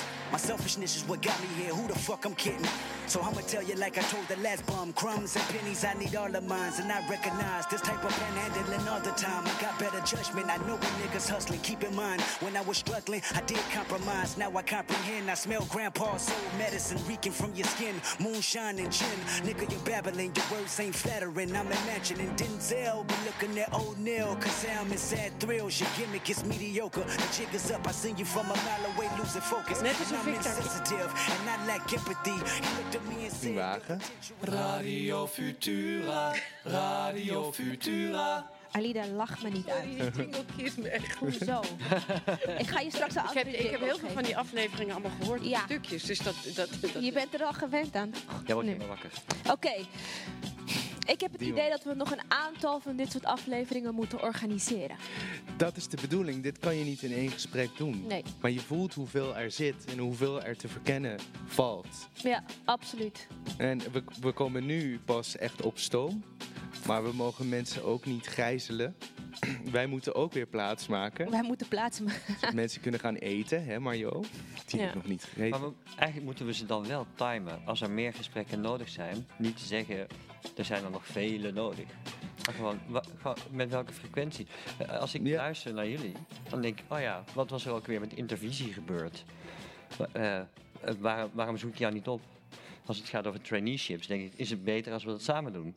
Helpt dat? Als het niet is, dan Ja, niet. interessant, Dat, ja. snap je? Maar wat bij mij ben nu opkomt, moet ik, er was jaren toen ik in 2000 in de sector kwam, was er zo'n in Amsterdam, eh, was er zo'n groep eh, mannen met elkaar, theaterdirecteuren, en die gingen één keer in de maand eten.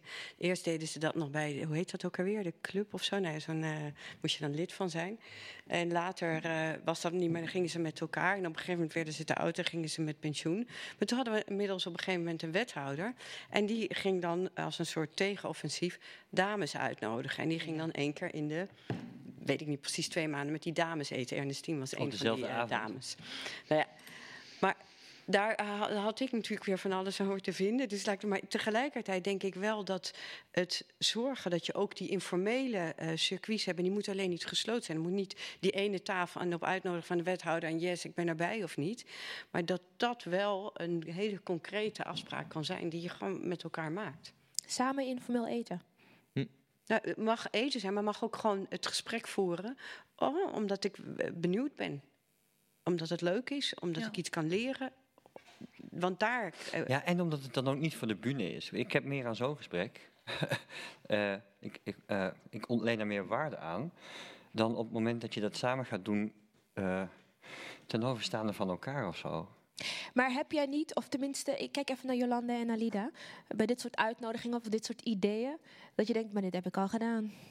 Hm. Of dit heb ik al gepoogd. Voortdurend. Maar dat is ook de moeheid die bij iedereen optreedt. En de, en de vreveligheid van. De, en, en soms is ook gewoon een timing dingetje. Hè? Dus op het moment dat eh, mensen me gaan bellen en ze zitten, we zitten een paar maanden voor het indienen van een nieuw kunstenplan.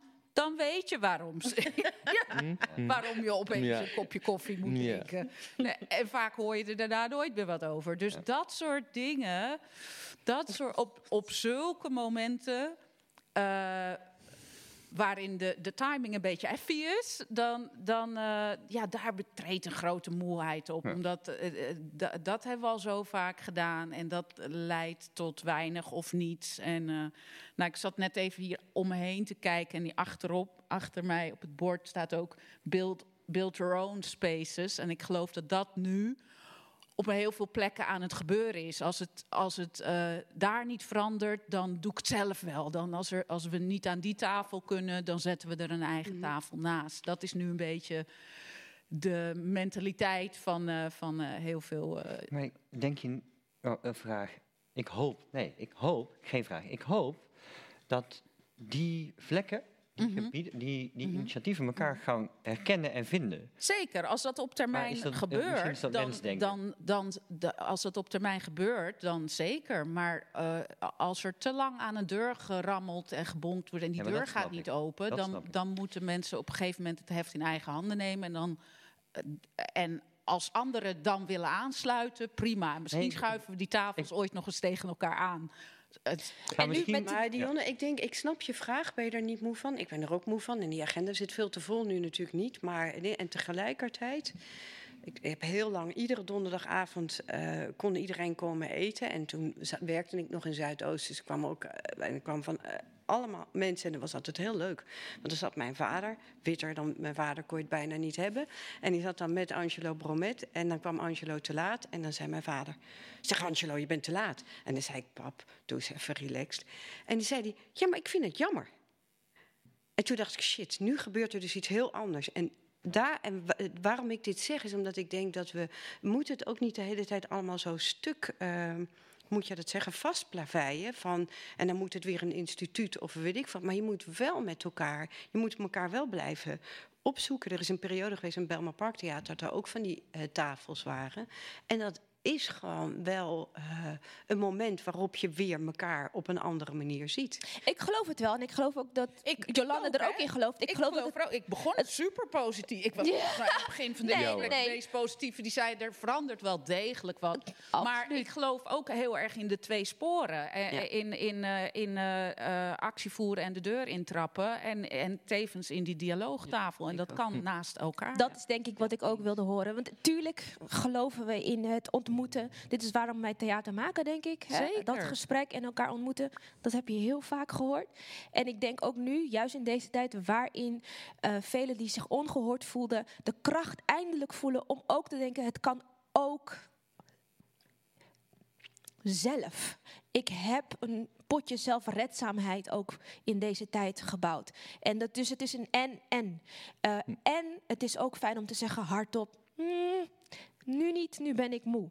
Of ja, bin der, ik ga er nog even over nadenken. En ik denk dat we dat, we, ik kan me voorstellen dat dat heel lang niet gedurfd is. Hm. Dat je dacht, nou, als ik daar niet ga zitten, dan gaat er niemand zitten. En dan voel je je vet verantwoordelijk om er te zitten. En dan ga je maar met iemand in gesprek waarvan je zeker weet, je gaat mij toch niet gebruiken aan het einde van de avond. Schud je elkaar de hand. Nou, toen maar kon dat het is nog. die emotional labor waar we het Ja, over zeker. hadden. Hoort. En, Ja. en, en daar moeten we een beetje vanaf, omdat we voor onszelf moeten zorgen. Dat je niet altijd bezig bent met het probleem van die ander op te lossen. Of, aan de, of eh, het vinkje te zijn in iemand anders eh, zijn jaarplan. Of zijn, per- eh, maar maak werk, maak producties omdat jij ze wil maken met jouw topics. Ma- maak je instituten laat het over jouzelf gaan. En zorg voor jezelf en los niet alles voor de ander op. Dus Zeker. En graag of niet ook heb ik vaak nu Ja, in maar mijn dat hoofd. is, dat is een ik- hele goede instelling. Dat je, dankjewel. Nee, dat je ook ehm, blij bent met de kennis die je hebt, hè, ik dan. En dat je graag kennis deelt. Maar als je voelt dat daar een hiccup zit, dat je ook denkt, "Mwah, dan niet. Gewoon door. En dat ik, dat, dat ik die optie niet had. En dat vind ik wel fijn om, om mee te geven. Ja. Zo, hier. Ik zou eraan willen toevoegen, al- en als iemand even geen zin heeft om met jou te praten, dan is er nog genoeg huiswerk dat je zelf kan doen. Ja, wit Toch? Amen. bijvoorbeeld. Heel Ja. goed. Ehm, ik heb een slotvraag. Eh, mag dat, Dionne? Eh, ja, ik wilde toch nog Co-piloot. even terugkomen op. En dat doe ik waarschijnlijk puur vanuit mezelf en vanuit mijn eigen privé en behoeften kijken naar Jolanda en Alida. En dat het voor mij eh, heel belangrijk is. Want ik vroeg jou net, weet je, wat, wat doe jij dan om, om zeg maar eh, de Alida's mee te nemen? En toen dacht ik te horen, ja, maar ik ben er. En dat is eigenlijk al heel veel inspiratie. Of dat heb ik zelf ervan gemaakt. Maar ik wil eigenlijk zeggen dat dat voor mij heel belangrijk is. Voor mij en vele anderen. En hetzelfde geldt voor Jolanda. Uh, tuurlijk, dit hele gesprek is inspirerend en ik ga hem verspreiden als een malle, absoluut. Maar ik wil ook zeggen dat het zijn, dus het feit dat jullie in 2020 op posities treden, want ik heb ook het idee gehad dat Jolanda eigenlijk de, de, de, de positie al lang al had. ja, ik ook. Voor mij is dat ook nog. Dat is ook een beetje vreemd. Dan krijg je er gewoon tijd dat je plaatst. Maar dat je, nee, maar dat, je, dat het beeld en representatie net zo belangrijk is. En dat ik ook, het idee, dat ik ook wil meegeven dat ik het belangrijk vind dat je, dat je ook niet het idee nu hebt dat je, dat je het moet doen voor iedereen en dat je je verantwoordelijk voelt voor zij die na jou komen en dat je ook mag falen. En dat het ook, niet dat je moet falen. Maar het feit dat, mag wel. Nee, nou, ik wil eigenlijk gewoon zeggen, ik hoop niet dat jullie die druk voelen om het nu te doen voor, uh, hè, voor ons. Uh, maar dat, dat het voorbeeld mag zijn, wij zijn hier, wij proberen het. En daarmee zijn wij genoeg. En dat zeg je helemaal goed. En natuurlijk voelen wij die druk wel. En natuurlijk. ik, vind, ik vind het ook lief. Ik vind het heel fijn. Ja, en maar soothing, weet goed je. om dat te horen. Maar hell no dat ik het los kan laten. Dat geen maar dan, en, dat is onze en dan ik heb een poging gedaan. Op het moment dat, dat het ergens gaat glijden, dan zou ik hopen. Wij kennen elkaar helemaal niet, wij een heel klein beetje. Maar dat je dan, en als ik het niet ben, maar dan iemand uit die Rotterdamse zien, die hoort tot die laten we dan even zeggen, de witte of de vrouw, uh, vrouwen of mannen uh, club die de macht hebben, dat die naast je gaan staan en zeggen: wat kunnen we doen? Dat Zodat hoop ik je dus ook. niet in je eentje Dat gaat zitten ik falen. Ik hoop dat ook. En ik hoop dat die mensen ook de, de ruimte voelen om naar ons toe te, te treden. En niet uh, gaan zitten kijken van, oh ja, dat dachten we al. Want dan verliezen we allemaal. Ja. Ja. En ik bedoel, als ik dan weer terugdenk van het gesprek, ben je niet moe? Ja, we zijn moe, we zijn boos, we doen onze dingen ernaast. We hebben dat al gedaan, we weten hoe we dat moeten doen. Maar ergens, daar moest ik even nadenken, ergens voel ik ook, en dat hoort bij die verantwoordelijkheid. Ik denk juist dat wij moeten blijven praten, omdat wij zichtbaar zijn. En tegelijkertijd met dat praten introduceren we de next gen. Mm -hmm. En tegelijkertijd met het doen voeden we ook, of krijgen we energie van de volgende generatie. Of het nou een choreograaf is, of een nieuwe zakelijk leider, of een nieuwe. Je moet kansen creëren voor elkaar. Om op het moment dat jij zegt: Ik ben nu klaar, ik ga plaatsmaken, dat er ook een voedingsbodem is. Dat er een veld is waaraan je het door kan geven. Hmm. Dus zo lief als dat jij hem aan ons geeft van voel geen druk en we zijn al trots dat je er bent. Ik ben super trots op jou dat jij Ah, er bent. Dankjewel, man. Ga door. Ja. Doe je ding. Super bedankt. Nu kunnen we afsluiten. Ja, joh. Eigenlijk is het dan zo'n mooie afsluiting. Maar, uh, maar, maar joh, die vraag over die leraar van de toekomst, daar gaan we een andere keer over Het antwoord is eigenlijk heel makkelijk. Vertel. Je moet dan. vragen stellen en luisteren. Kijk, de onwetende leraar. Dan uh, de slotvraag, dat gaat voor jullie allen. Ik, ik, denk dat Alida hem al een beetje beantwoord had, maar ik zou even terug willen naar Thibaut in het begin. Die zegt, ik ben onderweg. En toen vroeg ik aan je, denk eens na over waar je naartoe wil. Heb je daar, kan je daar iets over zeggen? Waar wil je dan heen als het gaat om dit onderwerp plaatsmaken? Nou, op een andere manier datgene doen wat ik sowieso me had voorgenomen toen ik begon. Is gewoon, het einddoel is weggaan. Gaan, uh, dus dat is helder. Ik denk alleen dat er onderweg een andere klus te klaren valt als het gaat over poortwachter zijn. Wat ik nu voel is dat het minstens even belangrijk is dat ik niet alleen een, een productieklimaat of een andere samenstelling of een, een, een vorm van gesprek uh, heb geïnstalleerd. Maar dat ik bijvoorbeeld ook uh, ervoor zorg dat mijn eigen raad van toezicht dan heel ergens anders staat in het nadenken over wat mijn opvolging is. Hm. En dat, dat, niet, dat ik niet iets heb gedaan en dan vervolgens hen niet heb meegenomen. Eigenlijk is mijn gesprek met hen daarin heel belangrijk. Um, want anders dan, kijk, in principe ga ik niet over mijn opvolging. Uh, maar ik ga wel over hoe er wordt gedacht over die opvolging. En herken je in dat klimaat, dat je zegt dat je klimaat creëert een voedingsbodem creëert. Hoe zei je het, Alida? Maar hen daar ook echt in betrekken. En dat, dat be- ben ik ook aan het doen. Maar ook hun samenstelling is nogal, nogal van belang om nu aan te pakken. Oké, nou, dat eh, lijkt me een mooie klus voor Ja. jou, Thibaut. Heel Dankjewel. concreet ook. Eh, nog heel even kort, eh, misschien achter elkaar gewoon. Mario, Jolanda, Alida, Dionne, mezelf misschien ook. Van waar, wa- wat is dat doel? Ruimte maken. Het is eigenlijk in he- heel veel bewoordingen al gezegd, maar het gaat in de eerste plaats om ruimte maken. Naast je, onder je, boven je, ruimte maken daar waar je kan. En vervolgens plaats Hm. maken. En, en eh, eh, door ruimte te maken, Alida zei het net heel mooi, creëer je een klimaat, creëer je, creëer je eh, je eigen opvolging en een, een, een rijke voedingsbodem voor de podiumkunst in het algemeen.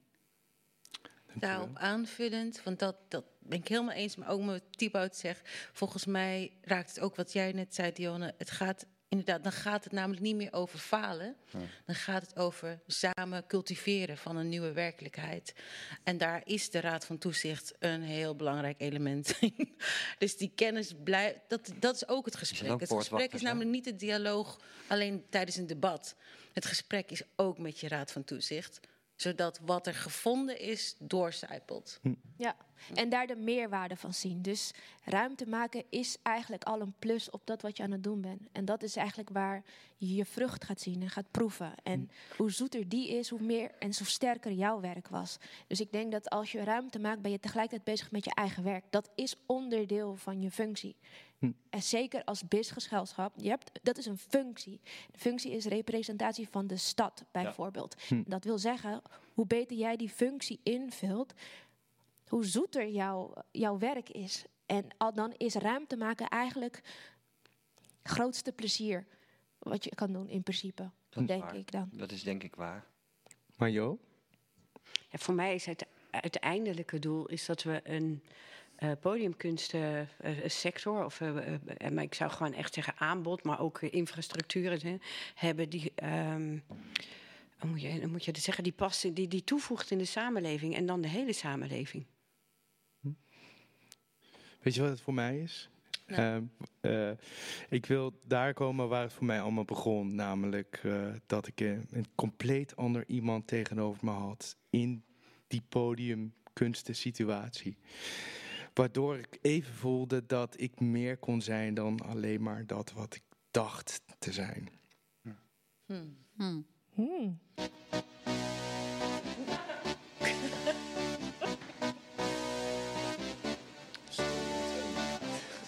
Radio Futura. Ja, dan hebben we toch een ander jingle gehoord, toch? In deze maakt me ook blij. schat. kan het niet goed doen. Ehm, ik kan niks meer zeggen dan dank jullie wel voor dit gesprek. Ik denk dat deze één is voor in de boeken. dit gaan we over twintig jaar terugluisteren. En dan gaan we ons zelf bevragen. Hebben we gedaan wat we toen zeiden? Was het zo makkelijk als dat we het toen zeiden? Ehm, kan je met trots terugluisteren? Ik ben heel erg benieuwd. Ik ben blij dat we in een digitale wereld leven, dus het kan heel goed bewaard worden. Eh, ik wil ehm, jullie, eh, of eigenlijk, heb jij nog een, eh, een, een dank, een dankwoord? Want ik wilde hem alweer echt afsluiten. nou, je zegt het zo mooi, Dionne. Maar eh, ehm, laat ik jou nogmaals bedanken, zoals ik dat in het begin ook deed. Het is heerlijk om ehm, om samen met jou in die cockpit te zitten. Ja, dat doen wij gewoon. Dus eh, ik, dat vond ik echt te gek. En ook, ik zat hier wel heel, heel moeilijk voor te bereiden. Oh, dit. En Dion zei, joh, doe even relax gewoon. Dat gesprek, dat komt heus wel. Dus dank voor dat eh, vertrouwen. En natuurlijk ook dank voor de gasten. Echt eh, prachtige mensen hier aan tafel. Dank jullie wel. Dit was de één voor laatste Radio Futura van 2020. Zeg ik heel even, want wie weet komen we ooit een keer terug. Dank jullie wel, jullie luisteraars. Als je dit eh, wilt delen, de uitzending, als je hem waardevol vond, deel hem graag. Dat kan heel makkelijk. We hebben gewoon een link en die kan je verspreiden middels je social media. Ik doe gewoon even wat reclame. Ja, het is toch belangrijk. Ik vind dat er hele goede dingen zijn gezegd en die moeten doorgegeven worden. Hè? Dat is ook plaatsmaken. Toch? Heer, heer. Kijk, deze is speciaal voor jullie. Radio Futura. Met Dionne Verwij, Dionne Verwij en Gian van Gian van Gunsven. Frascati, Dionne Verwij, Radio Futura. Gian van Gunsven. Dionne, Dionne, Dionne, Dionne. Radio Futura.